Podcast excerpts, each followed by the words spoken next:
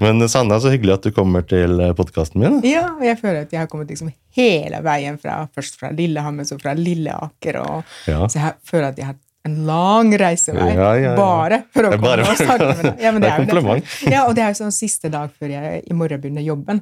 Så, Ah. så jeg føler liksom siste feriedag, det bruker jeg på å komme til tjukkeste Oslo øst. Ja, veldig, veldig bra å komme til podkasten min her. Veldig hyggelig at du gjør det. altså.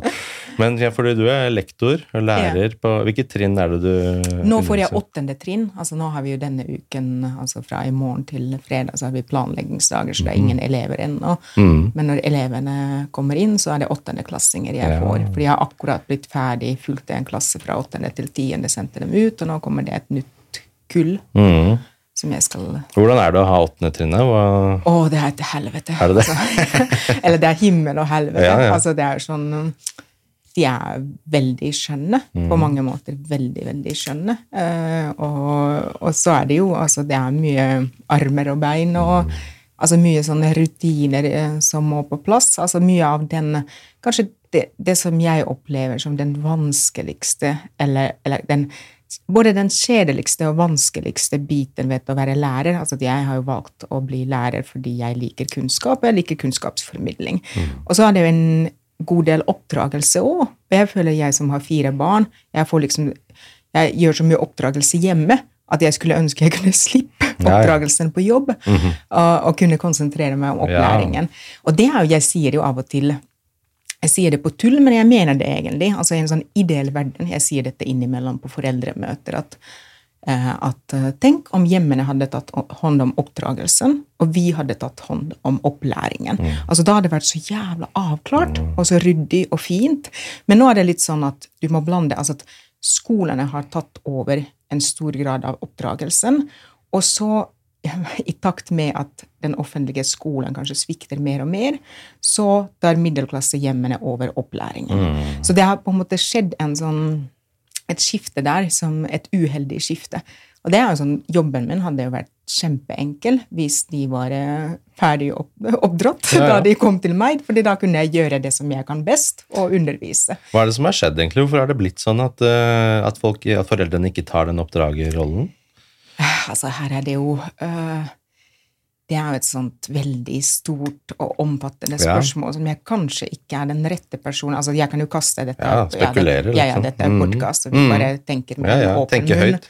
Mm. Eh, altså, det er jo sånne samfunnstendenser, kanskje. Jeg, eh, jeg pleier alltid å gå tilbake til eh, et sånt oppdragelsesråd som jeg fikk, eh, eller leste et eller annet sted da jeg var nybakt mor for første gang, at eh, det viktigste du kan lære som forelder, er å lære ditt barn å tåle skuffelser. Eh, og jeg tror kanskje at det å lære egne barn å tåle skuffelser er blitt vanskeligere og vanskeligere. Altså at jeg, øhm, jeg holdt jo da jeg sendte ut tiende trinn eh, i juni, så holdt jeg tale eh, for tiendeklassinger og deres foreldre, og hvor jeg liksom hvor jeg, Poenget mitt var at nå er det, nå må, at mange av dere har surfet gjennom ungdomsskolen med ganske liten innsats. At nå er det på tide at dere starter deres egen motor, og den motoren den skal liksom gå gjennom motstanden. Fordi det er veldig, mange er jo litt som persilleblad, at møter de motstand, så trekker de seg tilbake. Eh, og så sa jeg også i den talen at, eh, at når disse barna, disse elevene, når de starter sin egen motor, så betyr det også at dere foreldre dere skal slå av motoren i symaskinen, fordi dere er liksom, disse er så putesudde. De er så putesudde at de ikke klarer å bevege armer og bein Ja, ja. engang. Ja, ja. Så, så det er kanskje litt den Kanskje litt uh, av dette igjen, som sagt, jeg understreker. Ja, ja. I, og med at, I med at sist gang jeg var på en podkast, så, det jeg sa, havnet på forsiden på alle nettaviser, så nå plutselig er jeg veldig forsiktig. Jeg understreker, jeg tenker med en åpen munn. Mm. Nei, altså at um, Før i tida uh, så hadde folk hadde mange barn. Ja. Og når du har mange barn, og litt sånn som jeg kjenner også, at jeg har mange barn, uh, og da har jeg ikke, jeg har ikke tid til å sy så mange puter. Ja. Og nå har jo foreldrene kanskje bare ett barn, to Mm. barn, og de er så opptatt av å Altså, man snakker jo om curlingforeldreskap, at man køler, køler, køler. Um, og den kølingen gjør jo at kanskje at uh, uh, unger blir litt uh, persilleblad. Ja. Uh, Overbeskyttelse. ja, ja Mm. rett og slett. Eh, og det er jo um, Altså at du er jo far selv, ikke Mm, sant? ja, ja. Man, man kjenner jo til den eh, voldsomme kjærligheten som foreldreskap Mm. er. Eh, og det er jo lett, kanskje litt lett å slå Altså at, at, at det slår over, at det bikker over, at, at man i stedet at, Altså kjærlighet er jo også å la dem gå og liksom Gå og skade deg selv. Ja, ja, ja, ja, men Mm. det er begge deler. Det er både å beskytte og være den trygge havnen, men også det å la dem få tilliten til å prøve selv. Mm. Man må skade seg, man må falle ned og reise seg opp igjen, få den styrken. Mm. Og det tror jeg også var mer i gamle dager, at man hadde Altså, det barn mangler nå, er det å kunne mangle noe, på en måte. Mm. At før i tiden så var det mer sånn at eh, ressursene var begrenset. Du måtte bruke mer fantasien din til å leke. Mm. Eh, og som du sier, folk hadde flere barn. Du fikk Mm. ikke like mye oppmerksomhet. Og det er mye styrke i det òg. Å skjønne at man ikke er senter av Mm. universet selv hele tiden. Og jeg tror det er farlig også hvis man får færre og færre barn, er at barn tror at de er de aller viktigste i verden. Mm. Og på en måte så er de det, men samtidig så de blir jo veldig, Det blir jo ikke noe fine voksne ut av dem hvis de går inn i voksenlivet og tror at de er midtpunktet i hele Mm. verden hele tiden, og alle må bøye seg for dem. Foreldrenes oppgave er jo å, å sosialisere dem og skjønne at ja, men du er ikke alltid Mm. viktigst. Iblant så er du viktigst, men stort sett så er fellesskapet viktigere enn bare deg selv. Og, og, og spesielt i en skolekontekst. Altså, Mm. Det er jo foreldre som kan tro, eller som jeg innimellom tenker liksom at Tror de virkelig at deres barn er det eneste barnet Mm. i klassen? At det er veldig mye sånn, Man bruker veldig mye tid og krefter og bevisstgjøring på at, at deres barn er en av 30 i en klasse. Ja. Altså at vi på en måte, vi må hele tiden tenke på fellesskapet. For det er jo foreldre, og, og kanskje flere og flere foreldre som ønsker å fjernstyre. Altså at eh, det som skjer på skolen, hvor skal Ja. barnet sitte, hvem skal barnet mitt samarbeide med? Altså, mm, Det er litt sånn mangel på tillit òg, overfor klassen og skolesystemet. ja, kanskje, absolutt. Og det er jo liksom mikrostyre. Ja, ja, ja. Og, eh, og det er jo det er jo en samfunnstendens i Norge. Altså Lærere er jo ingen altså Det er jo ikke noe statusyrke. Nei. Eh, altså, Ja, hvorfor ikke det? Vi må grave inn i den digresjonen nå. Hvorfor Det er, ikke det statusyrke? Det er vel historiske årsaker til det. Altså at, eh, nå kan jeg ikke den historien godt nok. Nei. Altså at eh, Lærerne har jo vært Det har jo vært et statusyrke. Mhm. Men, eh, men på et tidspunkt altså Det har sikkert noe med at eh, det var en sånn strid mellom f.eks. I, i Norge altså at Det er jo allmennlærere stort sett som underviser på ungdomsskolen. Mhm. Eh, og eh, på en måte den linjen, eller den retningen, vant. Eh, altså Jeg kommer jo fra Finland, hvor vi har lektorer på ungdomsskolen. altså at Jeg hadde jo faglærer, lektor i alle Ja. fag. Mm. Og jeg har jo heller ikke forstått hvor eller sånn, at det har vært vanskelig for meg å forstå og svelge hvor lite fagkompetanse altså i det fag. Dette er kanskje, kanskje vi kan skylde på den progressive pedagogikken, Mm. eh, som, som liksom sa at det viktigste er å lære bort. Altså det jo evnen til å lære bort. Mens jeg tenker at hva lærer du bort hvis Mhm. du ikke kan substansen? Yeah. Det er jo litt samme at skulle jeg bare begynne å undervise i Siden jeg har lærerkompetanse. Jeg skal begynne å undervise i fotografi, yeah, ja. siden det evnen til å lære bort er det viktigste. ja, ikke sant. Mm. Så, så man, har, uh, man har liksom i alle årene og fremdeles Man underviser jo i norsk um, skole med veldig lite fagkompetanse i Mhm. det aktuelle faget, Ja. Sammenlignet med veldig mange andre land. Altså, Hvorfor er det sånn? Nei, på et tidspunkt, eh, uten at jeg kan dette historisk sett, altså Mm. at eh, på et tidspunkt så vant jo denne retningen med allmennlærere. Ja. Uh, og så har jo den norske lærerutdannelsen, den var jo lenge. altså Først var det treårig, så ble det fireårig, nå har det blitt femårig. Og det er jo heller ikke altså Du kan liksom ikke vedta respekt for en yrkesgruppe. Og så er jeg litt sånn, selv om jeg for så vidt støttet at eh, lærerutdannelse skulle bli femårig, så er det litt sånn eh, på jobben min, på skolen min, så vi får jo lærerstudenter. Altså jeg veileder jo lærerstudenter, og så hadde vi jo en, et parti med lærerstudenter hvor de sa at det femte året, det er liksom bare klistret på. At, eh, at egentlig gjør vi ingenting, men vi har liksom det femte året.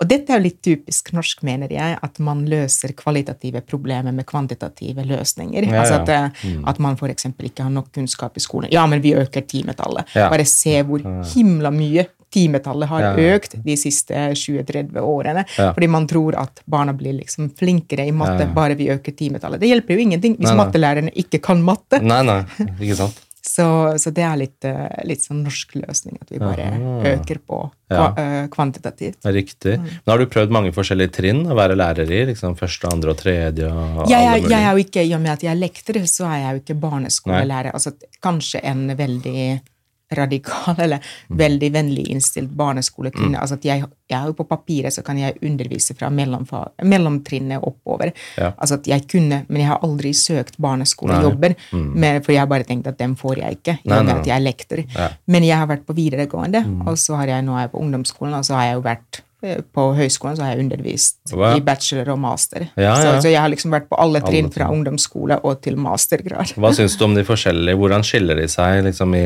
elevene og kulturen i klasserommet og stemningen? og Hva er det du syns er mest givende, kan du si? Hva blir mest spennende for deg?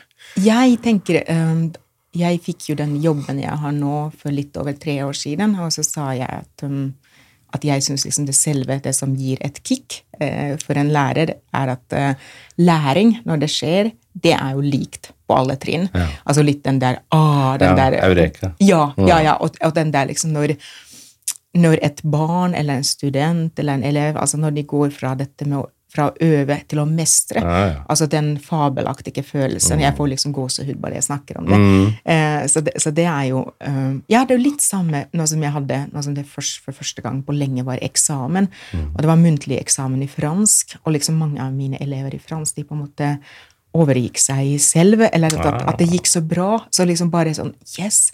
Og de var så fornøyd, jeg var så fornøyd. Altså litt sånn at nå flyr vi. Altså den følelsen. Det var magisk.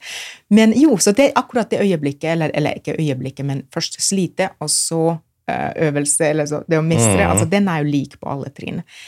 Men, eh, men det, det er nok altså at um, jeg kan nok si at um, det som er veldig fint med ungdomsskolen, er jo at uh, spesielt de åttendeklassinger, de er veldig åpne, tillitsfulle. Altså de kommer og sier ting og snakker om ting som, som jeg liksom Oi, forteller du Ja, det ja. til meg?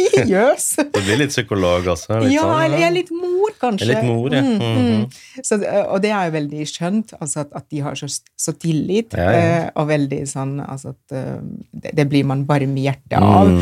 Mm. Eh, det er mye sjeldnere man blir varm i hjertet på videregående eller på en Ja. høyskole. altså at Der er jo elever mer voksne. Mm. Eh, på videregående så syns jeg kanskje at det beste er jo at, at man har mer fokus på, på selve opplæringen. Eh, eller egentlig jo høyere opp man går i hierarkiet, i, utdannings, i utdanningshierarkiet, dess mer har man fokus på faget Mm. Ja. og kunnskap. Mm. Og det er jeg nok, føler jeg, at, at jeg er kanskje best på. Altså, selvsagt avhengig av faget, Ja. men, eh, men av alle jobbene på alle trinnene jeg har hatt, så tror jeg at jeg var eh, to år var jeg høyskolelektor. Det var før jeg eh, hadde skrevet doktorat. Da var jeg høyskolelektor i historie. Mm. Og det var kanskje de to beste årene. Altså høyskolelektor i samtidshistorie. Bare holde forelesninger om historie. Mm. Ja. Det kan jeg savne.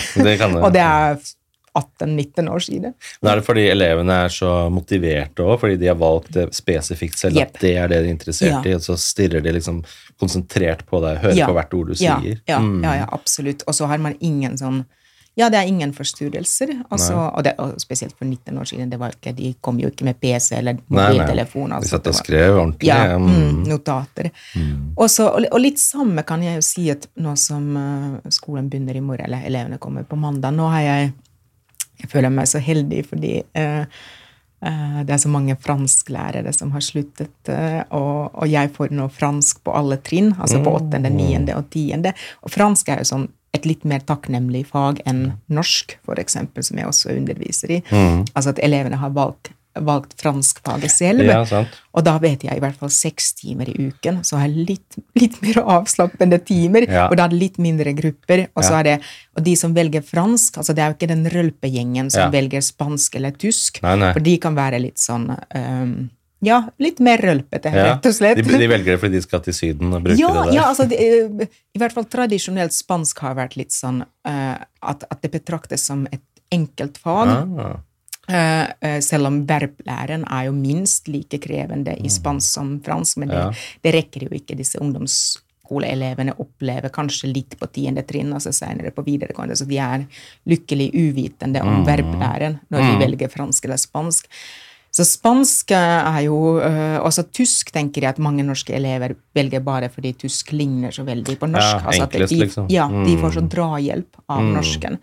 Så, så jeg påstår jo at jeg får litt flinkere elever i fransk Mm. uh, enn de får i tysk og spansk. Ja, ja. ja, Det må være mye mer motiverende å lære bort til elever som har lyst til å lære det som du skal lære bort og undervise. Mm. Men hvordan, hvordan gjør man hvis man, man skal lære bort noe, man skal lære bort matematikk og sånn, og så er ikke elevene motivert i det hele tatt? Mm. Hvordan klarer man å undervise noe til elever som ikke har lyst til å lære? Ja, ikke sant? Hva er nøkkelen der? Ja. Det kan jo hende at, um, at man ikke klarer det. Altså, det er Ja. sånn Jeg sa også i den talen at um, at de siste tre årene så har jeg liksom hatt utallige samtaler med foreldre, altså utviklingssamtaler og andre mer uformelle samtaler som handler om at eh, de foreldrene sier at ja, men min sønn er umotivert til å lære det og det. At eh, han har ikke motivasjon til det og det. For eksempel en klassiker nynorsk. Ja. Eh, og så sier jeg, eh, sa på det, da jeg holdt den talen, og sier alltid at vi er nødt til å slutte å snakke om motivasjon. Ja. At noen ting må bare gjøres. Mm. Altså det er jævla mange ting som jeg er lite motivert til. Eh, Det første jeg kommer på, er husarbeid, som jeg er dårlig på, som Mm. Ja. jeg misliker. Men det må gjøres. Ja. Og litt samme nynorsk. Du må gjøre det. Mm. Altså liksom Ikke spørre om du er motivert. Ja.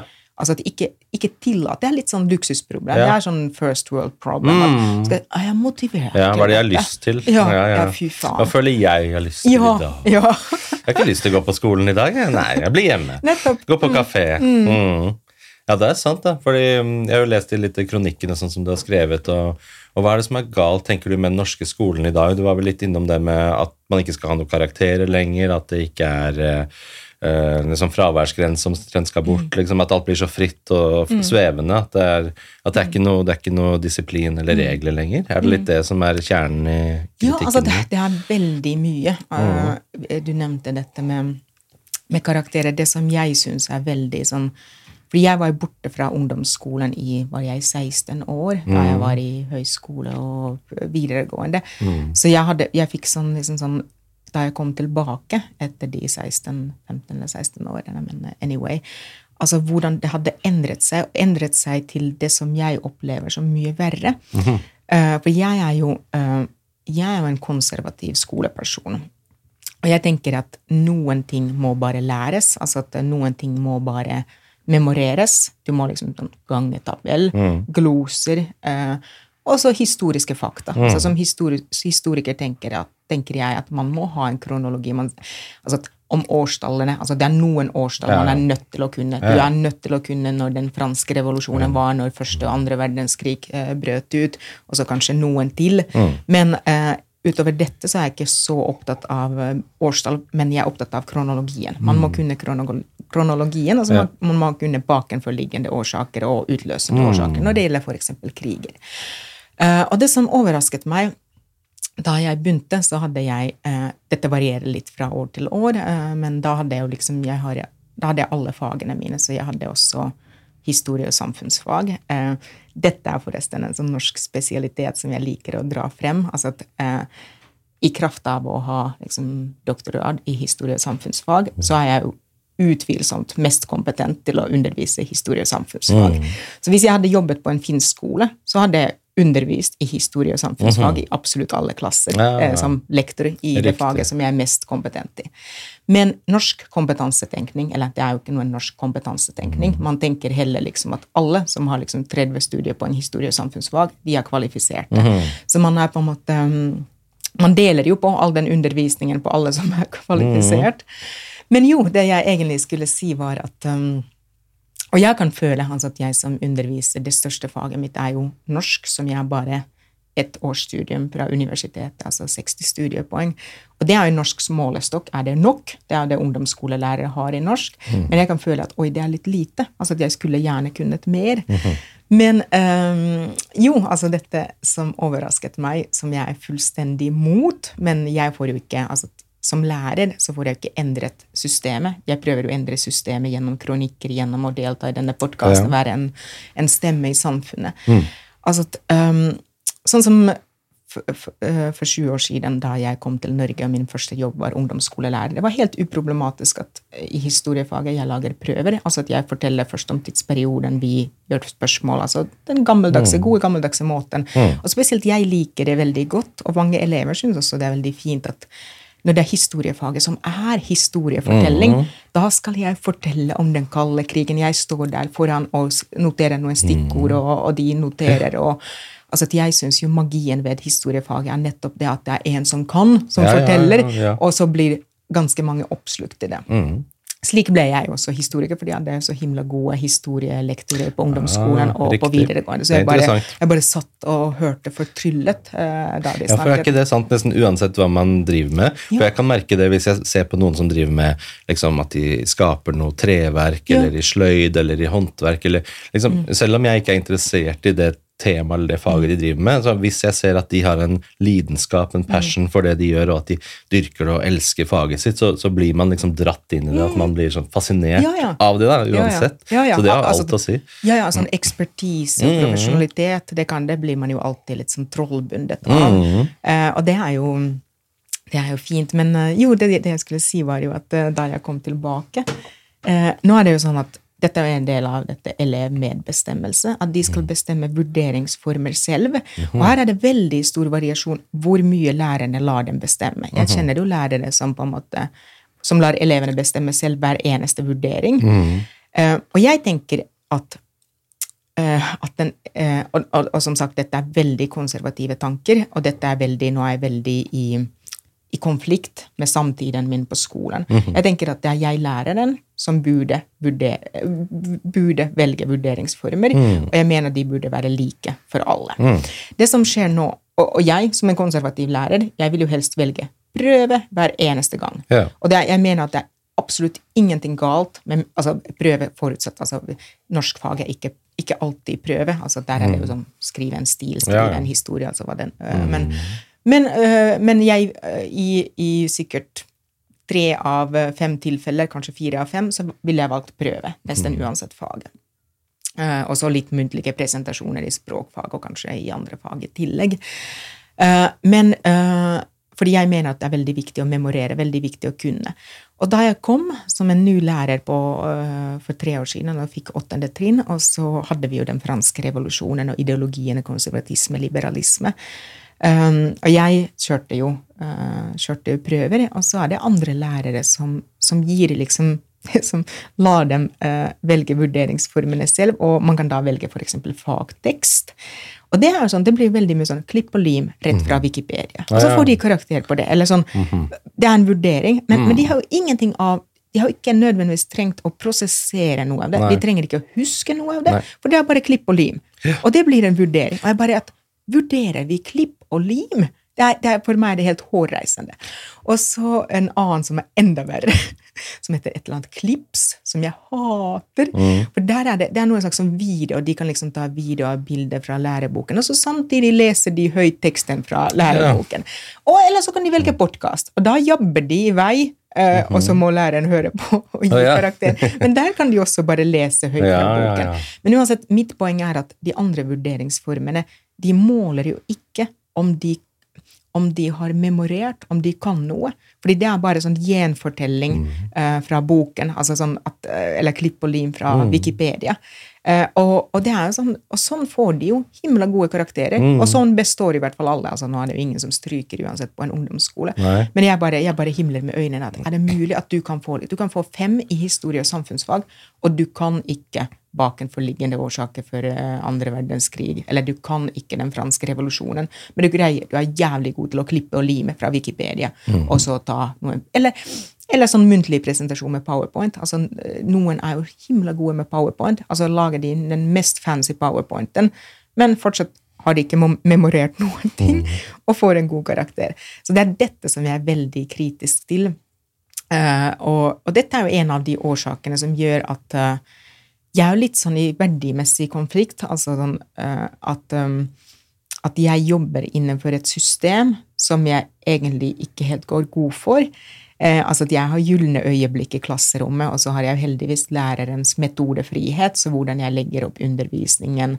Eh, altså at jeg har mange gode eh, gode timer, altså at, at, jeg fortsatt overlever, fordi det er mye, så, mye bra som skjer i klasserommet. Ja. Men, men, hele tiden så kjenner jeg på den verdikonflikten, at jeg jobber i en skole som, som er i strid med mine verdier, og hva jeg mm. står for sånn kunnskapsmessig og pedagogisk.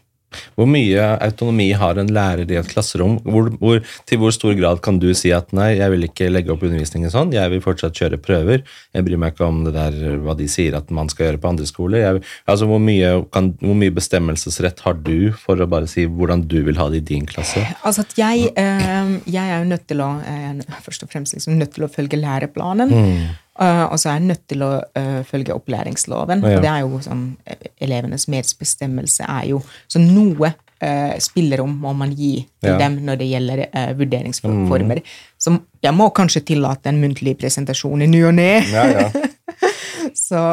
men, men, altså at Stort sett så har man jo et ganske stort spillerom så lenge mm. som man liksom respekterer lovverket og mm. forskriftene. Mm. Men her kommer vi jo til den andre Altså at det er jo uh, de uh, Hva skal jeg si at uh, Fordi man blir jo kanskje oppfattet og sett på som en veldig streng lærer. Altså at man er jo ikke den mest populære. Man blir ikke den mm. populære. Mm. altså Heldigvis er jeg så på en måte så Eh, så gammel og erfaren at jeg har jo ikke noe lyst til å melde meg på noen popularitetskonkurranse heller. Og en lærer burde vel ikke være populær heller? Burde være dyktig og være ja. flink til å undervise. Ja, og så har jeg, mm. jeg har en veldig fin, eh, veldig dyktig, flott teamleder som sier alltid til elevene at 'hat meg i dag, elsk meg i morgen'. Mm. Altså at jeg bare venter eh, liksom når, om noen år når de kommer tilbake og takker meg for, ja. for det de har lært, et eller mm. annet.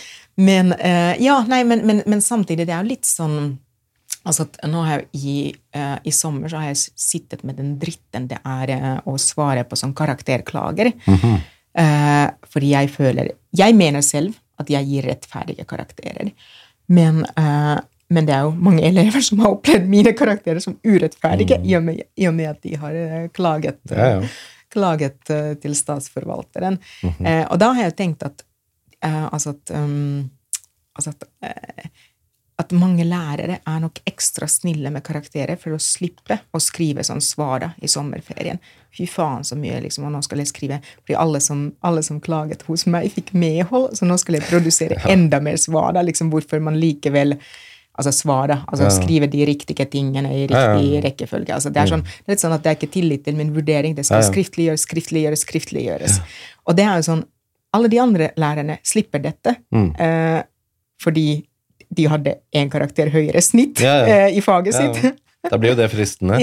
ja, men samtidig er jeg veldig stolt av at um, uh, fordi jeg mener, og dette er også en veldig konservativ tanke, mm. uh, så dette kan være en litt som hvis du har lærere som hører på, altså en sånn brannfakkel. Mm. Uh, jeg mener en, en, dyktig lærer måles på hvor stort samsvar det er mellom standpunktkarakterer og eksamenskarakterer. Mm.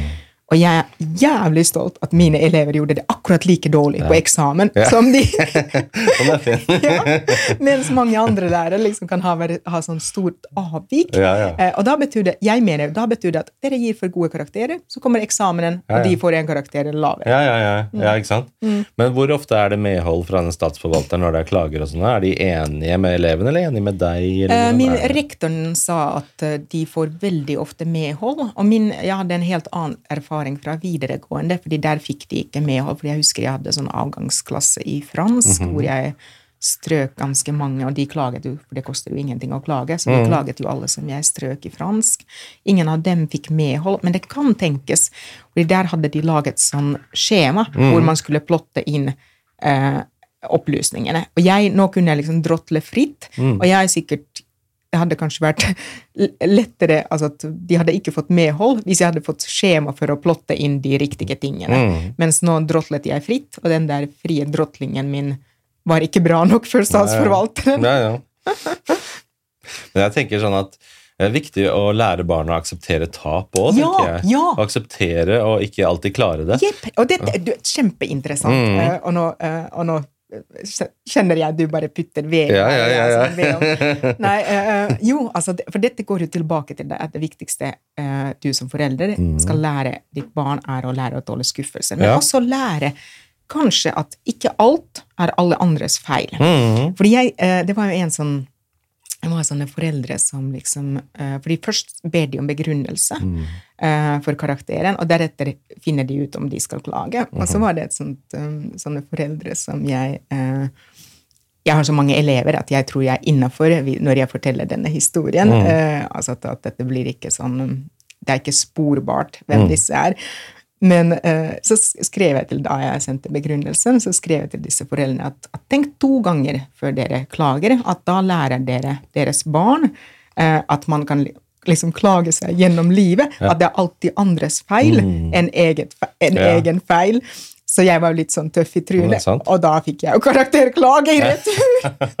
og hvordan gikk det med den klagen da? Nei, jeg fikk jo medhold, denne eleven også. Men, men altså, medhold, medhold betyr, betyr, jo altså, Det betyr jo ikke at de får bedre karakter. Nei. Det betyr bare at Eh, jeg har ikke synliggjort godt nok ah. at karakterforskriften er fulgt. Så hva skjer med karakteren i seg selv da? Kan de det, det Ny vurdering, eller? Ja, altså det er jo derfor jeg må skrive mer svar nå. Mm -hmm. altså nå Sikkert denne uken, kanskje jeg begynner i morgen, når jeg er tilbake på jobb. Mm -hmm. fordi da må jeg liksom enda mer nøyaktig skrive hvorfor denne ah. eleven fortsatt skal ha den karakteren. Og så kan de klage på det også? Nei, nei, nei. nei det kan de ikke. Nei. Da er det stopp. Det er stopp. Okay. Fordi det er jo uh, disse her som vurderer, som sitter og vurderer disse klagene, det er jo byråkrater hos ja, ja. statsforvalteren. De har jo mm. aldri vært i klasserommet. Mm. De kan jo ikke komme og si at eleven skal egentlig ha Jeg har jo foreslått for rektoren, altså mm. bare som, som en sånn fuck you, at vi mm. gir dem seks. Alle som klaget. Vi gir dem seks. Jeg syns det hadde vært så Så lærer de seg at i livet er det best å klage. Ja, ja, da vinner du. Nei, jeg synes det, den der å gi dem sex hadde vært så jævla fin. Sånn. Ja, ja, ja, at, at,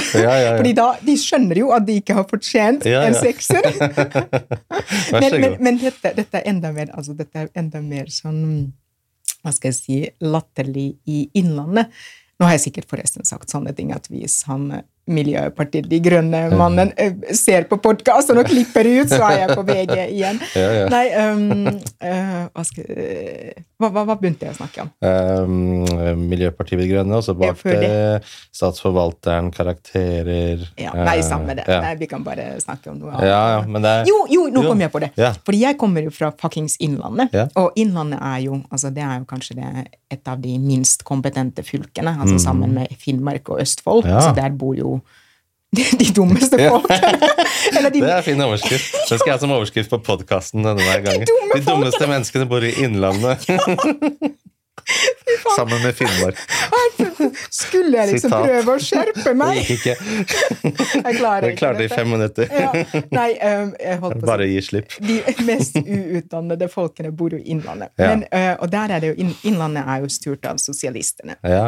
Og Sosialistene har jo en sånn idé mm. at du er motivert hvis du kommer inn på ønsket linje på videregående. Mm. Og det er en veldig fin sosialistisk tanke. Altså Mange mm. sosialistiske tanker er veldig noble og gylne og gode. Høres bra ut på papiret. Ja, ja, ja teoretisk sett. Mm. Jepp.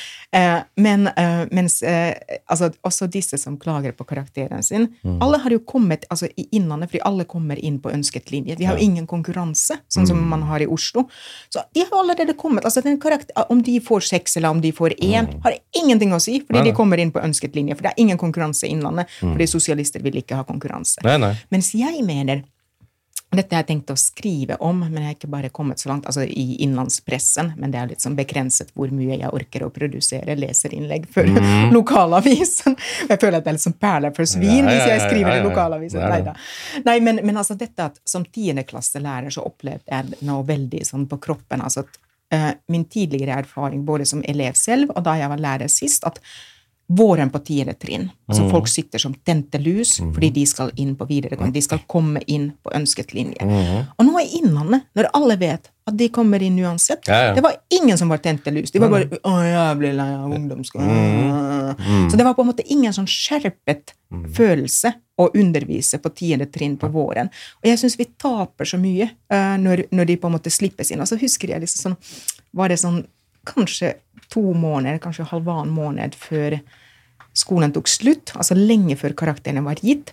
Det er en veldig populær linje, idrettslinje på Storhamar videregående. Mm -hmm. Og så, kommer det, så annonseres det at nå blir det to idrettsklasser på Storhamar. Ja, det er jo noen elever som prøvde å jobbe hardt. Jeg kan ikke si at de jobbet jævlig hardt, fordi det, det er de ikke vant til, men prøvde i hvert fall å jobbe hardt for å komme inn nettopp på den idrettslinjen på Storhamar. fordi hvis de ikke kom inn der, så måtte de ha toget til Stange, eller hvor den andre idrettslinjen er. Så det, de hadde faktisk hatt en kostnad eh, hvis de ikke hadde kommet inn på. Men, men når de annonserer at nei, nå åpner vi to idrettslinjer, det betyr at alle kommer inn. Ok.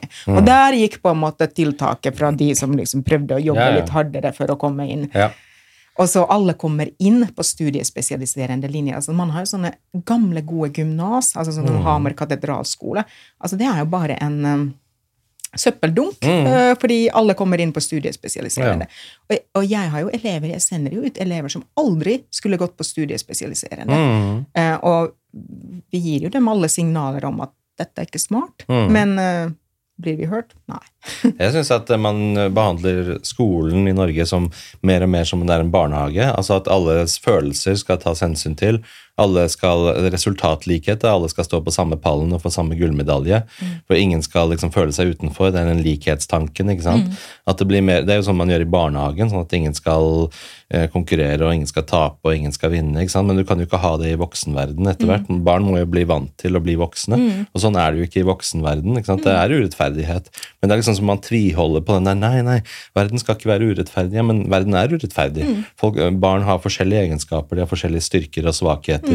Og man kan liksom ikke prøve å plassere alle på samme førsteplassen i alle samme gullmedaljer. Og så, og så tenker jeg også sånn um, eh, Da jeg skrev til disse foreldrene som ba om begrunnelse, at, eh, at dette at, eh, at tenk, liksom, tenk etter hva dere Mm. uh, lærer deres eh, barn, at, at man kan bare klage seg. Ja. Altså, selvsagt, altså, Nå kommer jeg med noen forbehold som jeg egentlig ikke pleier, men altså, noen ganger det kan jo hende at en klage er bekreftet. Det er jo ikke alltid slik at det ikke Nei, nei. er det.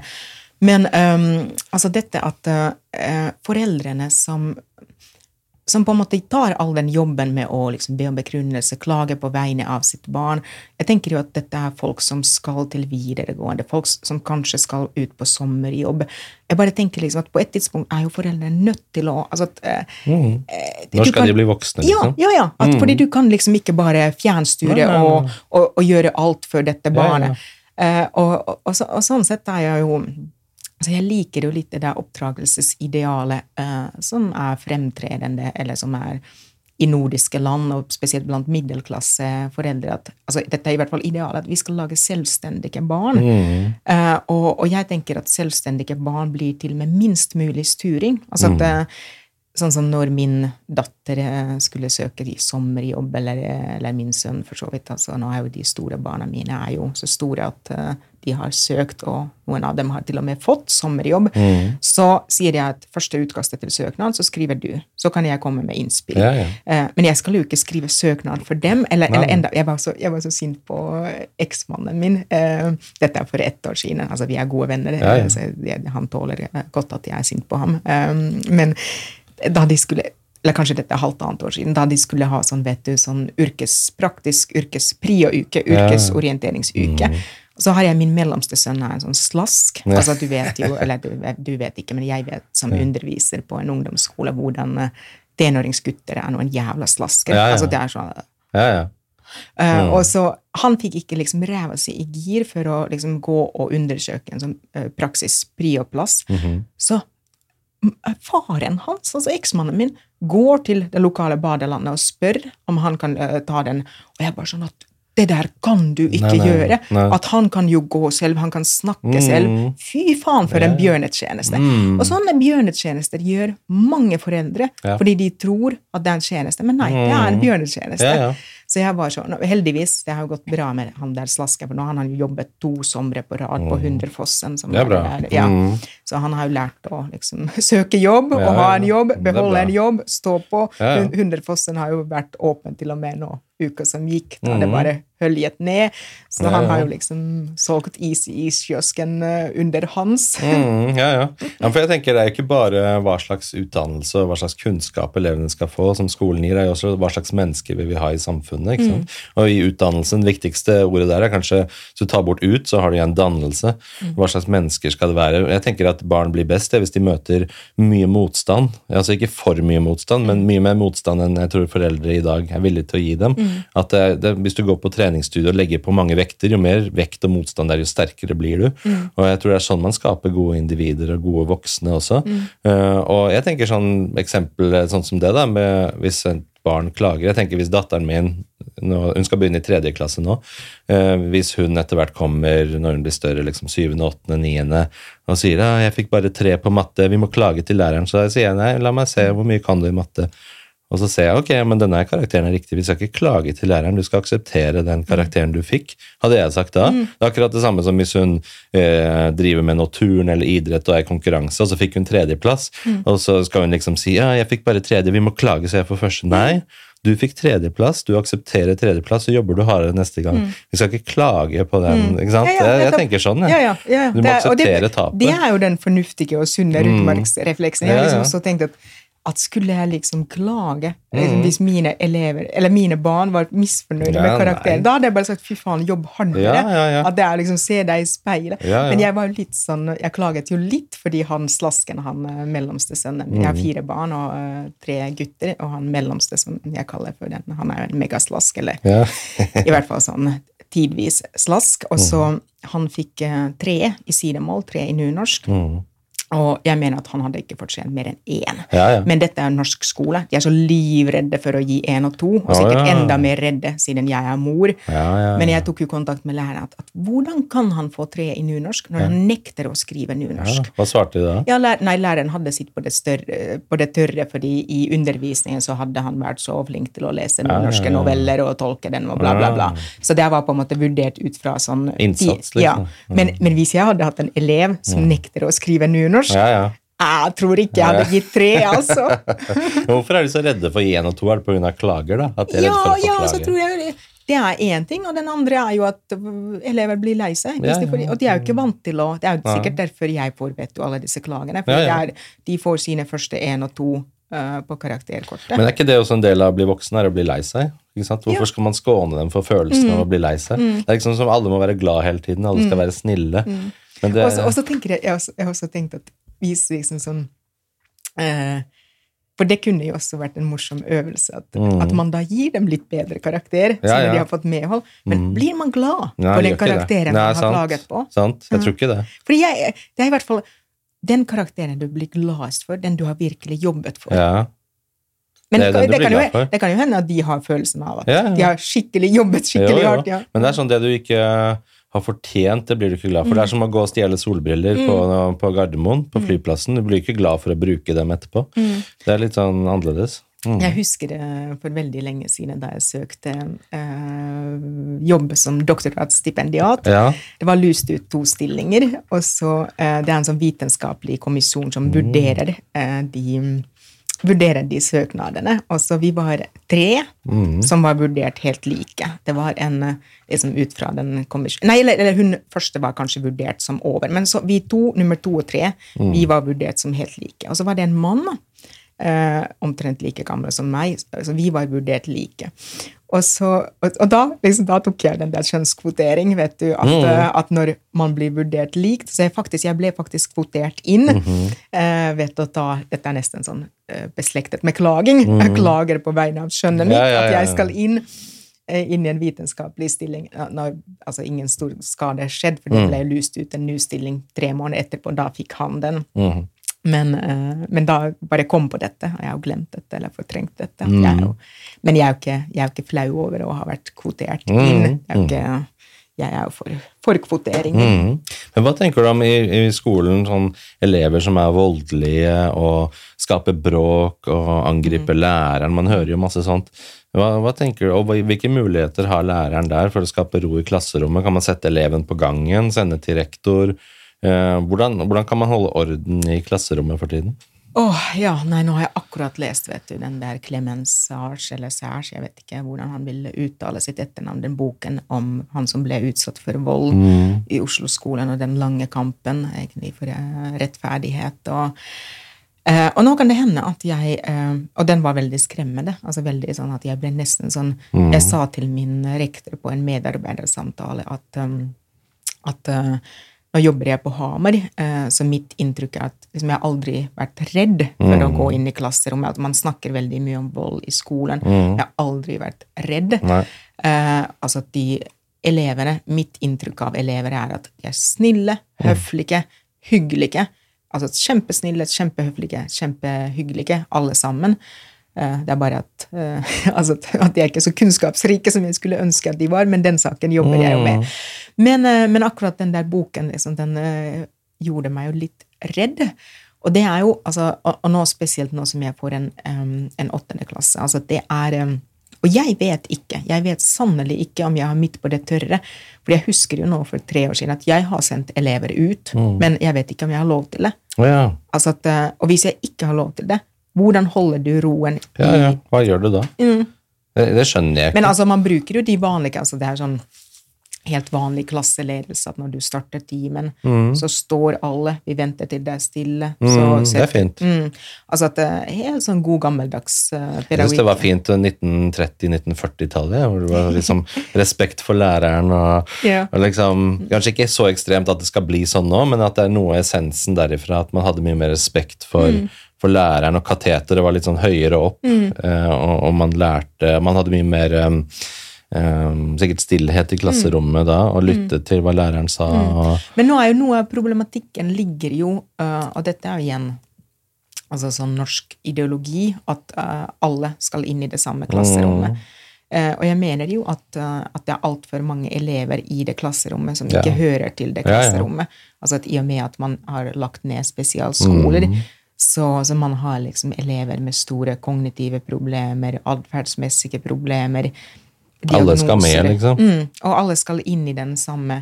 Og jeg har jo ikke spesialpedagogisk kompetanse, Nei. så jeg er jo på, på mitt beste med den såkalte normaleleven. Ja, ja. mm. uh, og, og, jeg har jo ikke kompetanse til, uh, til, de vanskene og til de problemene som kommer inn i klasserommet. Så jeg kan på en måte bare håpe mm. at jeg får en rimelig enkel klasse. Men får de i så fall en egen spesialpedagog som er med den ene eleven hele nei, tiden? Nei, nei, det er ikke nei, sånn? Nei, nei, nei. nei, nei. det er sånn jeg trodde.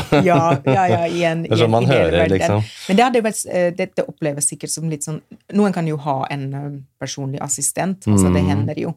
Men de er jo aldri utdannede spesialpedagoger. Nei, de er ikke det, nei. Ah. Så man har jo liksom en spesialpedagogisk eh, Man har den spesialpedagogiske kompetansen på skolen. Eh, det har man jo. altså At man har en spesialpedagog på skolen, og så har man jo folk, sikkert noen lærere som har studert mm. spesialpedagogikk.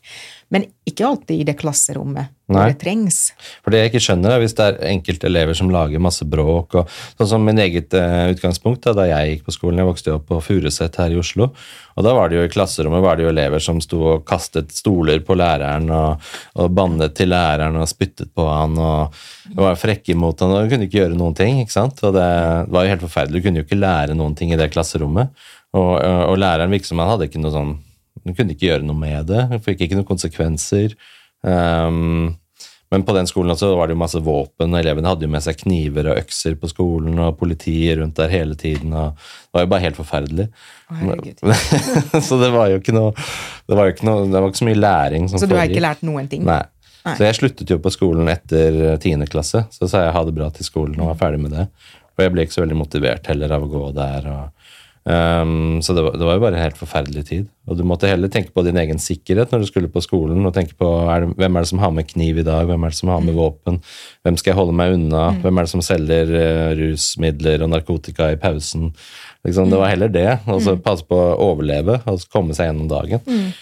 Nei, og det, og, det, og det, er jo dette eh, Altså den virkeligheten man har i Oslo, eller på flere Oslo-skoler, det er jo geografisk her også. Mm. altså Det er jo vel Oslo øst eh, mm. som er mest beryktet. at Jeg har også tenkt at jeg har lyst til å jo søke jobb i Oslo på sikt. Mm. altså at Jeg håper jo at jeg kommer meg vekk fra Innlandet på et tidspunkt. Mm. For nå har jeg liksom sonet der eh, mm. lenge nok. Ja, ja og de store barna begynner å bli så store uh, at, at, jeg er fri. Og så har jeg jo liksom tenkt at hvor i Oslo kan jeg søke jobber for mm. å liksom ikke bli redd? Mm, ikke velge Oslo øst. Nei, nei, nei, nei ja. det konstaterte jeg bare under den bussturen hit. At fy faen, fy faen.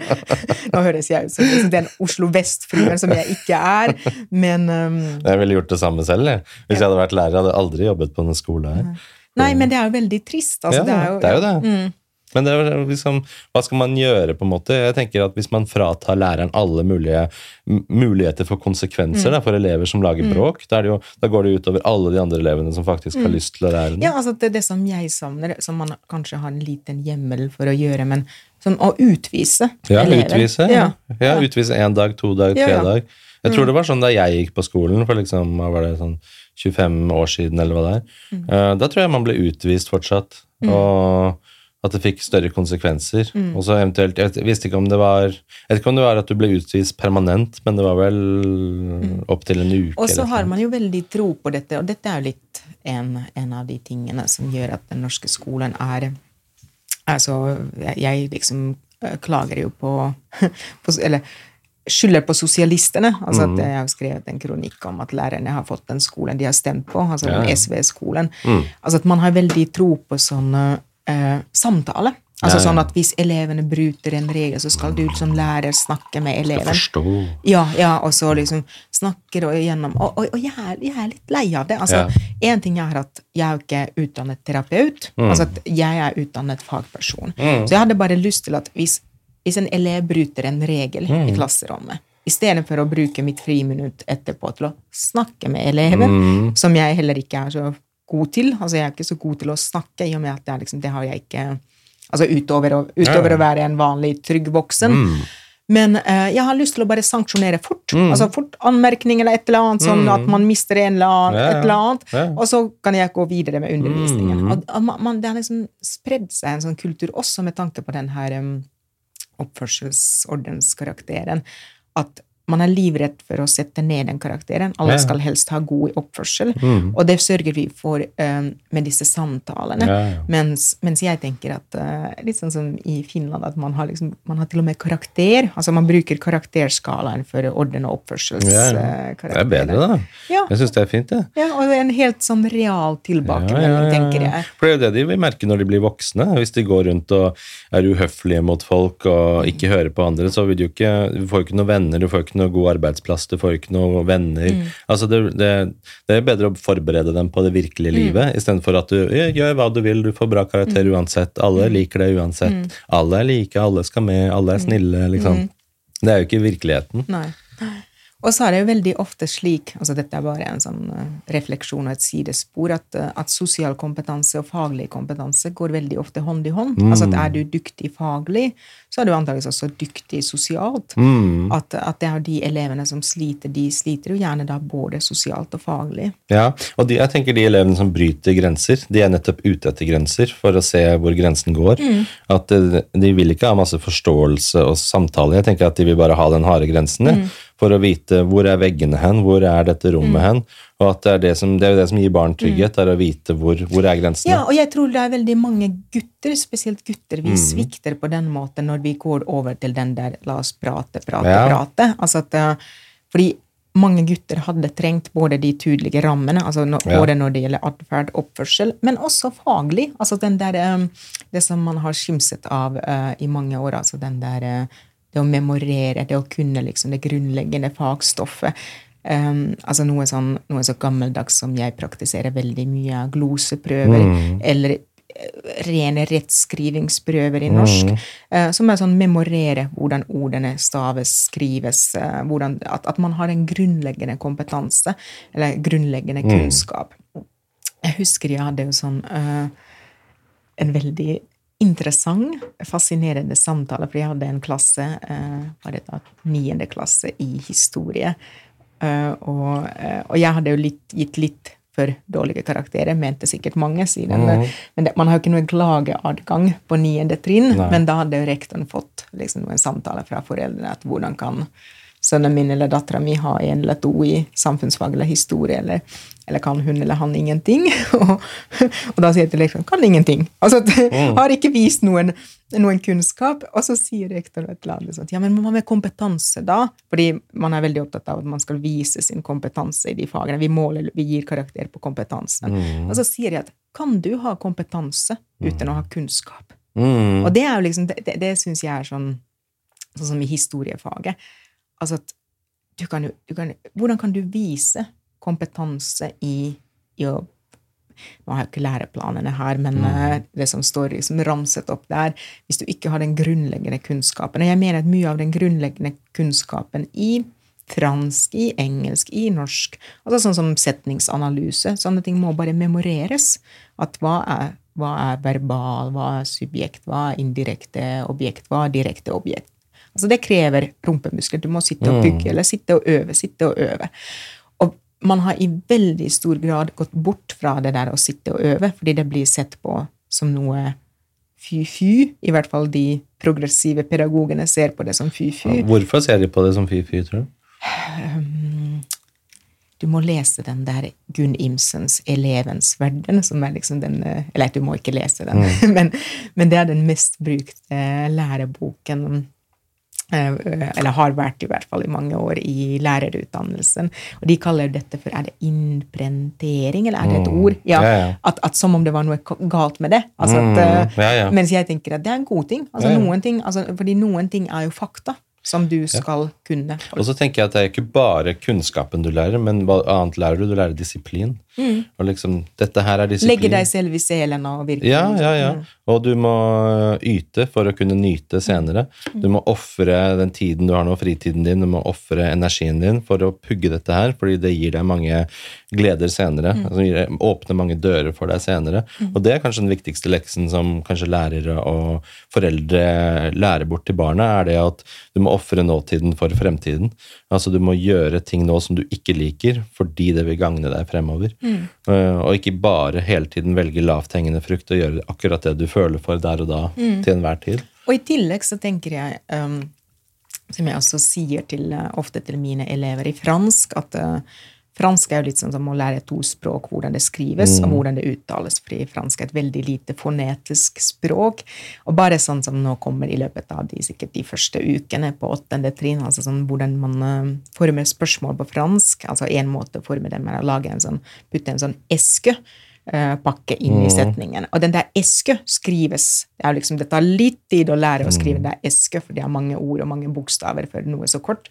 Uh, og så kan jeg si til elevene at dette er at hvis jeg vekker dere midt på natta, så skal dette komme. Altså mm. Dere skal kunne både uttale og, og, skrive det. Altså Mange sånne ting som må memoreres. Og fremmedspråk er jo et veldig sånn godt eksempel på hvor mye tid og innsats du må bruke før du mestrer.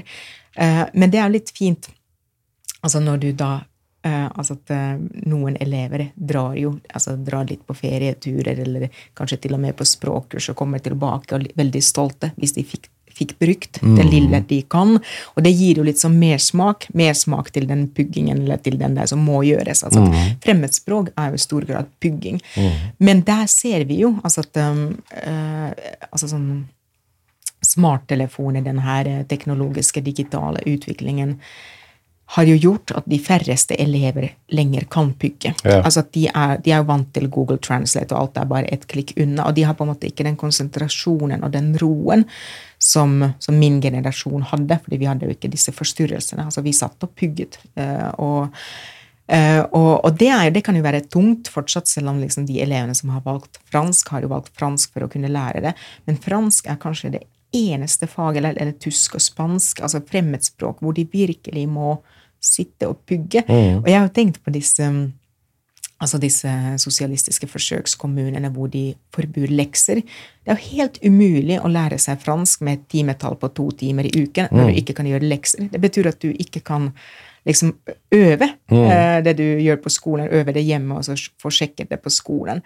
Eh, og det er jo sånn som jeg alltid sier, at sosialistisk skolepolitikk er basert på at alle skal bli akkurat like dumme. Akkurat mm. like middelmådige. Og det er jo det man blir. hvis Det er liksom, det er ikke lov å øve. Mm. Er, dere har ikke lov til å øve hjemme. Ja. Mens jeg tenker at hvis du skal og Jeg sier jo Jeg pleier jo å liksom snakke både på foreldremøte og til de elevene at hvis du ikke er interessert i å jobbe, så bør du velge noe annet enn fransk.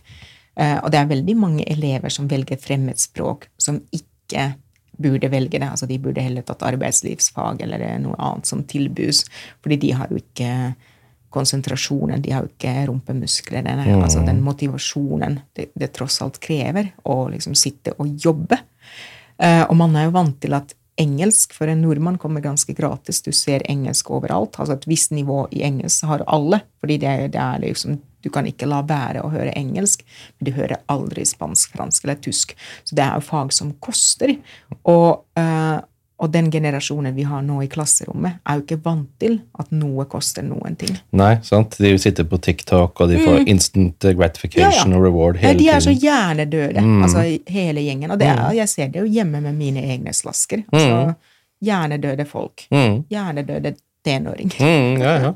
Men hva tenker du om jeg tenker De store linjene her I USA så har de den der galskapen med woke-kulturen, og sånn, og de river jo ned statuer og sier at alt som har med disiplin og realfag å gjøre, det er patriarkatet, og det må rives ned fordi det er gammeldags, og det er hvite menn som har skapt uh, matematikken og fysikken og vitenskapen, og derfor må det rives ned. og Derfor er alt som minner om disiplin og sånn i skolen, det er patriarkatet, og det må vi ta avstand fra. Det er litt den kulturen der, da. Er det noe av det som smitter over til Norge også, sånn at vi importerer amerikansk kulturkrig og woke-kultur? Her har du folk antallet som kan snakke om dette mye bedre enn eh, meg. Altså, mm. Norge er jo ikke upåvirket av woke. Mm. Nå så jeg var det subjekt som hadde dette, at eh, Venstre er det mest woke Eh, ja, ja, jeg så den der tegningen. ja, ja, ja. Og så jeg har faen meg stemt på Venstre. Jeg, jeg snappet akkurat på veien hit eh, på en bussholdeplass, så var det sånn 'Stem Venstre for ja. skole og klima'. Altså jeg snappet og skrev at mm. ja, jeg har stemt, jeg har stemt på Venstre, men jeg mm. kommer til å angre. Ja. Liksom. Men jeg hadde, uansett hva jeg hadde liksom stemt på, så hadde jeg angret. Jeg skal fortelle når jeg alltid Nå, nå svarer jeg ikke på spørsmål, ja, men det er bare fordi jeg ikke kan svare. Så, så da snakker jeg om noe annet. Tar en som politiker her. Men for Venstre er det eneste liksom, klassisk liberalistiske eller sosialliberalistiske partiet ja, i Norge. Ja, sosialliberal, mm. ville jeg heller sagt enn liberalistisk. Ja. Men, men, jeg skal fortelle alltid når jeg angrer at jeg har stemt på Venstre, for Venstre har jo som et sånne ihuga nynorskfolk. Mm. Eh, og hver gang jeg har sidemålsundervisning for sånne elever på Hamar som ja, aldri har hørt en dialekt, eller, eller omtrent liksom er så langt fra nynorsk eh, som kan være, og så har i tillegg selvsagt store problemer med å skjønne, mm. eller liksom at, uh, som er like mot nynorsk som en gjennomsnittlig, gjennomsnittlig Frp-er. Mm. Og når jeg må liksom undervise nynorsk, og så mm. prøve å si at ikke liksom spør om du er motivert, dere skal lære ja, dette. Ja. Uh, og så er jo nynorsk eller sidemåls Jeg, har ikke, jeg hadde ikke lagt sidemålsundervisning sånn som det er lagt opp hvis jeg kunne bestemme. Mm. Så jeg på en måte jeg føler jo med elevene, eller jeg er jo litt, sånn, mm. litt enig med dem. Og det er jo alltid når jeg sier det med oss undervisende, det er da jeg faen at jeg stemte på Venstre. Faen, faen, faen. For er, de er jo sånn garantister, for de er sånn ja, ja. sidemålsentusiaster. Ja, ja. Men hva syns du om nynorsken, egentlig? Hva tenker du om det, å ha det faget i det hele tatt? Nei, altså jeg syns jo at uh, sidemål er jo en del av uh, norskfaget. Absolutt. Altså at uh, det er mange, Hvis vi ikke hadde hatt nynorsk, uh, så er det mange romaner, dikt, mm. ting vi ikke hadde lest, som vi heldigvis leser. Ehm, men, ehm, men, jeg er jo ikke altså, uh, altså det at jeg underviser i nynorsk grammatikk og skal lære dem å mm. bøye verper på nynorsk, og så skal de skrive tekster på mm. nynorsk, det er jo helt bortkastet mm. når det er to gjensidig forståelige språk. Altså, Det er så tullete. Ja. Norskfaget har et vanvittig stort timetall, og mye mm. går til nynorsk. Altså mye går til disse her idiotøvelsene. Mm. Og så har jeg også tenkt og her må liksom, eh, hvis du får tilbakemeldinger, jeg må eh, sende et sånt spørsmål ja, ja. til lytterne. Mm. For jeg har tenkt nå som Vi hadde eksamen, og de hadde jo eksamen både i nynorsk og bokmål. Og når vi skriver, når vi har um, sånn heldagsprøve, tentamen, eller nå heter det ikke lenger tentamen, for da kan de bli lei seg. Det heter fagdag. Mm, ja, ja. mm. Så når vi hadde fagdag i nynorsk, så har jeg liksom tenkt at når de skriver en tekst, altså skriver en stil eller en sånn mm. fagoppgave på nynorsk, hva annet er nynorskfaget? Hva annet er eksamen enn oversettelse? Fordi de har jo tilgang til ordboken. Mm. De kan jo bare skrive den, skrive og tenke den teksten på bokmål, og så med ordbok så oversetter de det. Mm. Jeg skjønner jo altså at Jeg er ikke god i nynorsk, men jeg mm. skjønner jo at de som er gode altså Det har jo noe med ordstillingen altså Man har en annen flyt. Men ingen av mine elever, eller jeg, er på det nivået at jeg klarer å skrive på en måte vakker nynorsk, altså mm. flytende nynorsk. Jeg greier helt fint den oversettelsesøvelsen og greier å rette tekstene til elevene, men jeg er jo ikke en nynorsk forfatter eller en nynorsk skribent. Uh, og da har jeg liksom tenkt at hva er verdien av at de rett og slett oversetter fra bokmål til nynorsk. Hva er verdien for de alle som har nynorsk som første språk, som skriftspråk? De greier jo å lese bokmål. Mm. Alle som har bokmål som første språk, klarer å lese nynorsk. Så det, det, er så mye sånn det er så mye idioti. altså Idiottimer som går på dette her. Og jeg, og, jeg, og jeg må liksom minne meg selv på at jeg får lønn for dette. Jeg får lønn for dette. Ja, ja. Jeg må, at, at, at når, når du er liksom Hele kroppen butter mot at. Dette, dette, dette er galskap, da må jeg bare huske at jeg har bra lønn. Jeg har bra lønn. Jeg får lønn for dette også. Jeg tenker det er så viktig med mening, at man føler mening med det man driver med. Og jeg husker det jeg selv gikk på skolen, nynorsk føltes som meningsløst, for jeg kommer aldri til å bruke det. Sitte og pugge det der. Og da, det hadde jo rett, jeg kommer jo aldri til å bruke det. Jeg, jeg brukte det jo aldri. Og det er sånn at det er så viktig, da, spesielt kanskje i den alderen, at man i hvert fall fører noen sånn meningsfullthet med det man lærer seg. men samtidig, jeg vet ikke. altså Jeg tror veldig mye oppleves som meningsløst når Ja, du er tenåring. det kan godt. Veldig mye av det skolen gjør og står Mm. for og underviser. Eh, og, og det er jo kanskje det du Du vet aldri hva du har bruk for. Nei, Jeg er jo litt sånn en parallell til dette er jo Vi har jo, eh, vi har jo mm, eh, som så fint kalles for tvangssvensk Ja. eh, på finske skoler. Og jeg var jo i sin tid en motstander av tvangssvensk. Jeg Mm. mente at man skulle kunne liksom fritt velge hvilket språk eh, man studerer. Eh, uh, og, men, men jeg likte jo altså Jeg har jo likt svensk, jeg har alltid likt språk, så det var ikke noe problem for meg å lære meg svensk. Ja. Svensk er jo like enkelt som norsk, altså veldig sånn enkel og grei grammatikk, få unntak. Mm. Uh, så ikke noe vanskelig i det hele tatt. Men, men jeg har jo tenkt liksom sånn at i ungdomsskolen, hvor jeg profilerte meg på motstand mot svensk, Mm. at, at lite visste jeg da at jeg skulle liksom havne i Norge, hvor Ja. jeg har tross alt liksom vært et Fortrinn er kanskje feil ord, men at, at Gud så mye det har hjulpet Ja. at jeg hadde skolesvensk. Altså at jeg startet jo jeg, Da jeg kom til Norge, så gikk jeg jo rett på den øverste norskgruppen eh, på norskkurset for innvandrere på Ja. Blindern. Altså startet på nivå fire fordi jeg kunne svensk. Jeg kunne jo ikke norsk, men jeg kunne svensk, og da kunne jeg liksom mm. Hvor gammel var du da? Vet du, da, um, da var jeg utvekslingsstudent, så jeg var 19 år. Eller kom jeg som 18? Jeg kom som 18-åring.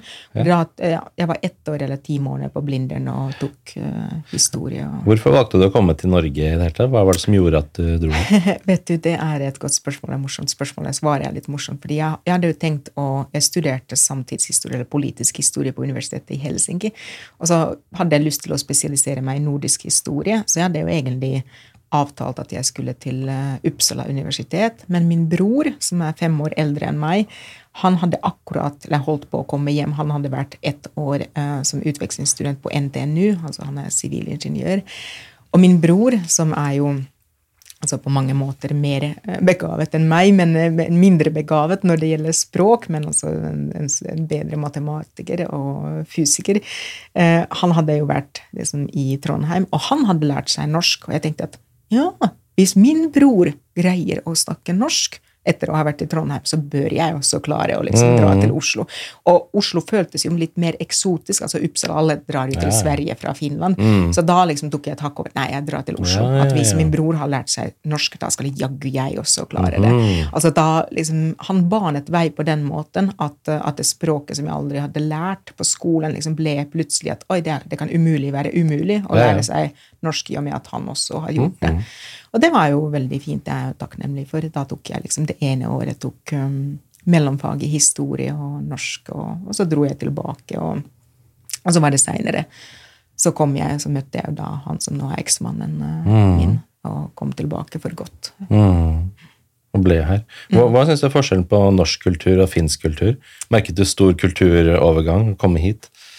Ja, altså det er sånne ting ehm, Vi finnere, tror jeg, vi er mye mer direkte. Altså at uh, måten vi snakker på, og sier ting på altså Ikke nord- så mye små, småprat og sånt? Nei, ikke det heller, men, men altså kanskje først og fremst at dere er jo veldig sånn Går rundt grøten Mm. og pakker inn i bomull. Ja. Altså litt sånn satt på spissen at en Uansett hva en elev gjør, en norsklærer sier at, eh, at dere er så flinke, eller du er så flink og så bra, mens eh, komplimenter hos meg sitter veldig langt inne, eller Ja. liksom før jeg sier at noe er bra. Litt sånn Ja. så, Jeg har en morsom anekdote her. altså Minn meg på at vi snakker om kulturforskjeller, men han der mellomsteslasken min, han, um, han fikk jo nå uh, Ja, øh, ble ferdig med ungdomsskolen og fikk vitnemål, og så hadde han kanskje liksom karaktersnitt på fem, så et, liksom et bra vitnemål. Og så, og så fikk jeg liksom gratulasjoner fra hans venner. uh, at, at så flink sønn du har. Og, så svarer jeg at ja, ja, men dette er norsk skole. Altså, hallo, at dette er å få fem fra norsk er skole. så- Nei, nei, dette det er er ikke ikke olympisk gull. Ja, ikke sant? Dette er ikke noe å roper rope hurra for, for jeg syns bare at han er jævlig lat. Og så sier han sønnen min til meg at ja, mine, mine venner lurer litt på at er det fordi du er finsk forelder at du aldri skruter Ja. av meg? og så, så måtte jeg lage sånn skrutepost på Instagram og Facebook Ja, altså, i samarbeid med ham at sønnen min dårlig samvittighet. ja, jeg fikk litt sånn at, og, og, og kanskje enda mer så fikk jeg sånn dårlig samvittighet at jeg egentlig bare gjentar de modellene som jeg har fått av mine foreldre, som aldri liksom fortalte til meg at jeg var flink. Altså Litt sånn den, den finske kulturen, at du skal liksom ikke jeg husker liksom sånn et, en setning min far skulle uh, kunne si ofte at la oss ikke gjøre dette til en skryteklubb. Altså at man skal liksom ikke si noe positivt og pent. Og det er kanskje litt den finske kulturen på godt og vondt. Ja. Så jeg har også liksom sånn måttet øve meg på fordi veldig fort hvis jeg leser en elevtekst og skal begynne å skrive tilbakemeldinger, som alltid min, min, minner meg selv på at jeg må starte med noe positivt. Altså at hvis teksten er ræva, i hvert fall Du har gode avsnitt. ja, ja. altså et eller annet. Compliment sandwich. Ja. Først noe positivt, Ja. negativt, positivt. ja, men, men jeg er jo litt den finske læreren som er bare bare går rett på kritikken. At, eh, så, så det har jeg liksom blitt eh, øvd meg på. Og så Ja, så, så, så dette at eh, at man er litt mer positiv og oppløftende i Norge, på godt og vondt, fordi jeg mener ofte er det ufortjent at, Ja. at folk får høre Sånn som jeg skrev nylig på Facebook, at jeg syns det er problematisk at elever i barneskolen får hele tiden høre hvor flinke de er, Ja. også når de ikke er det.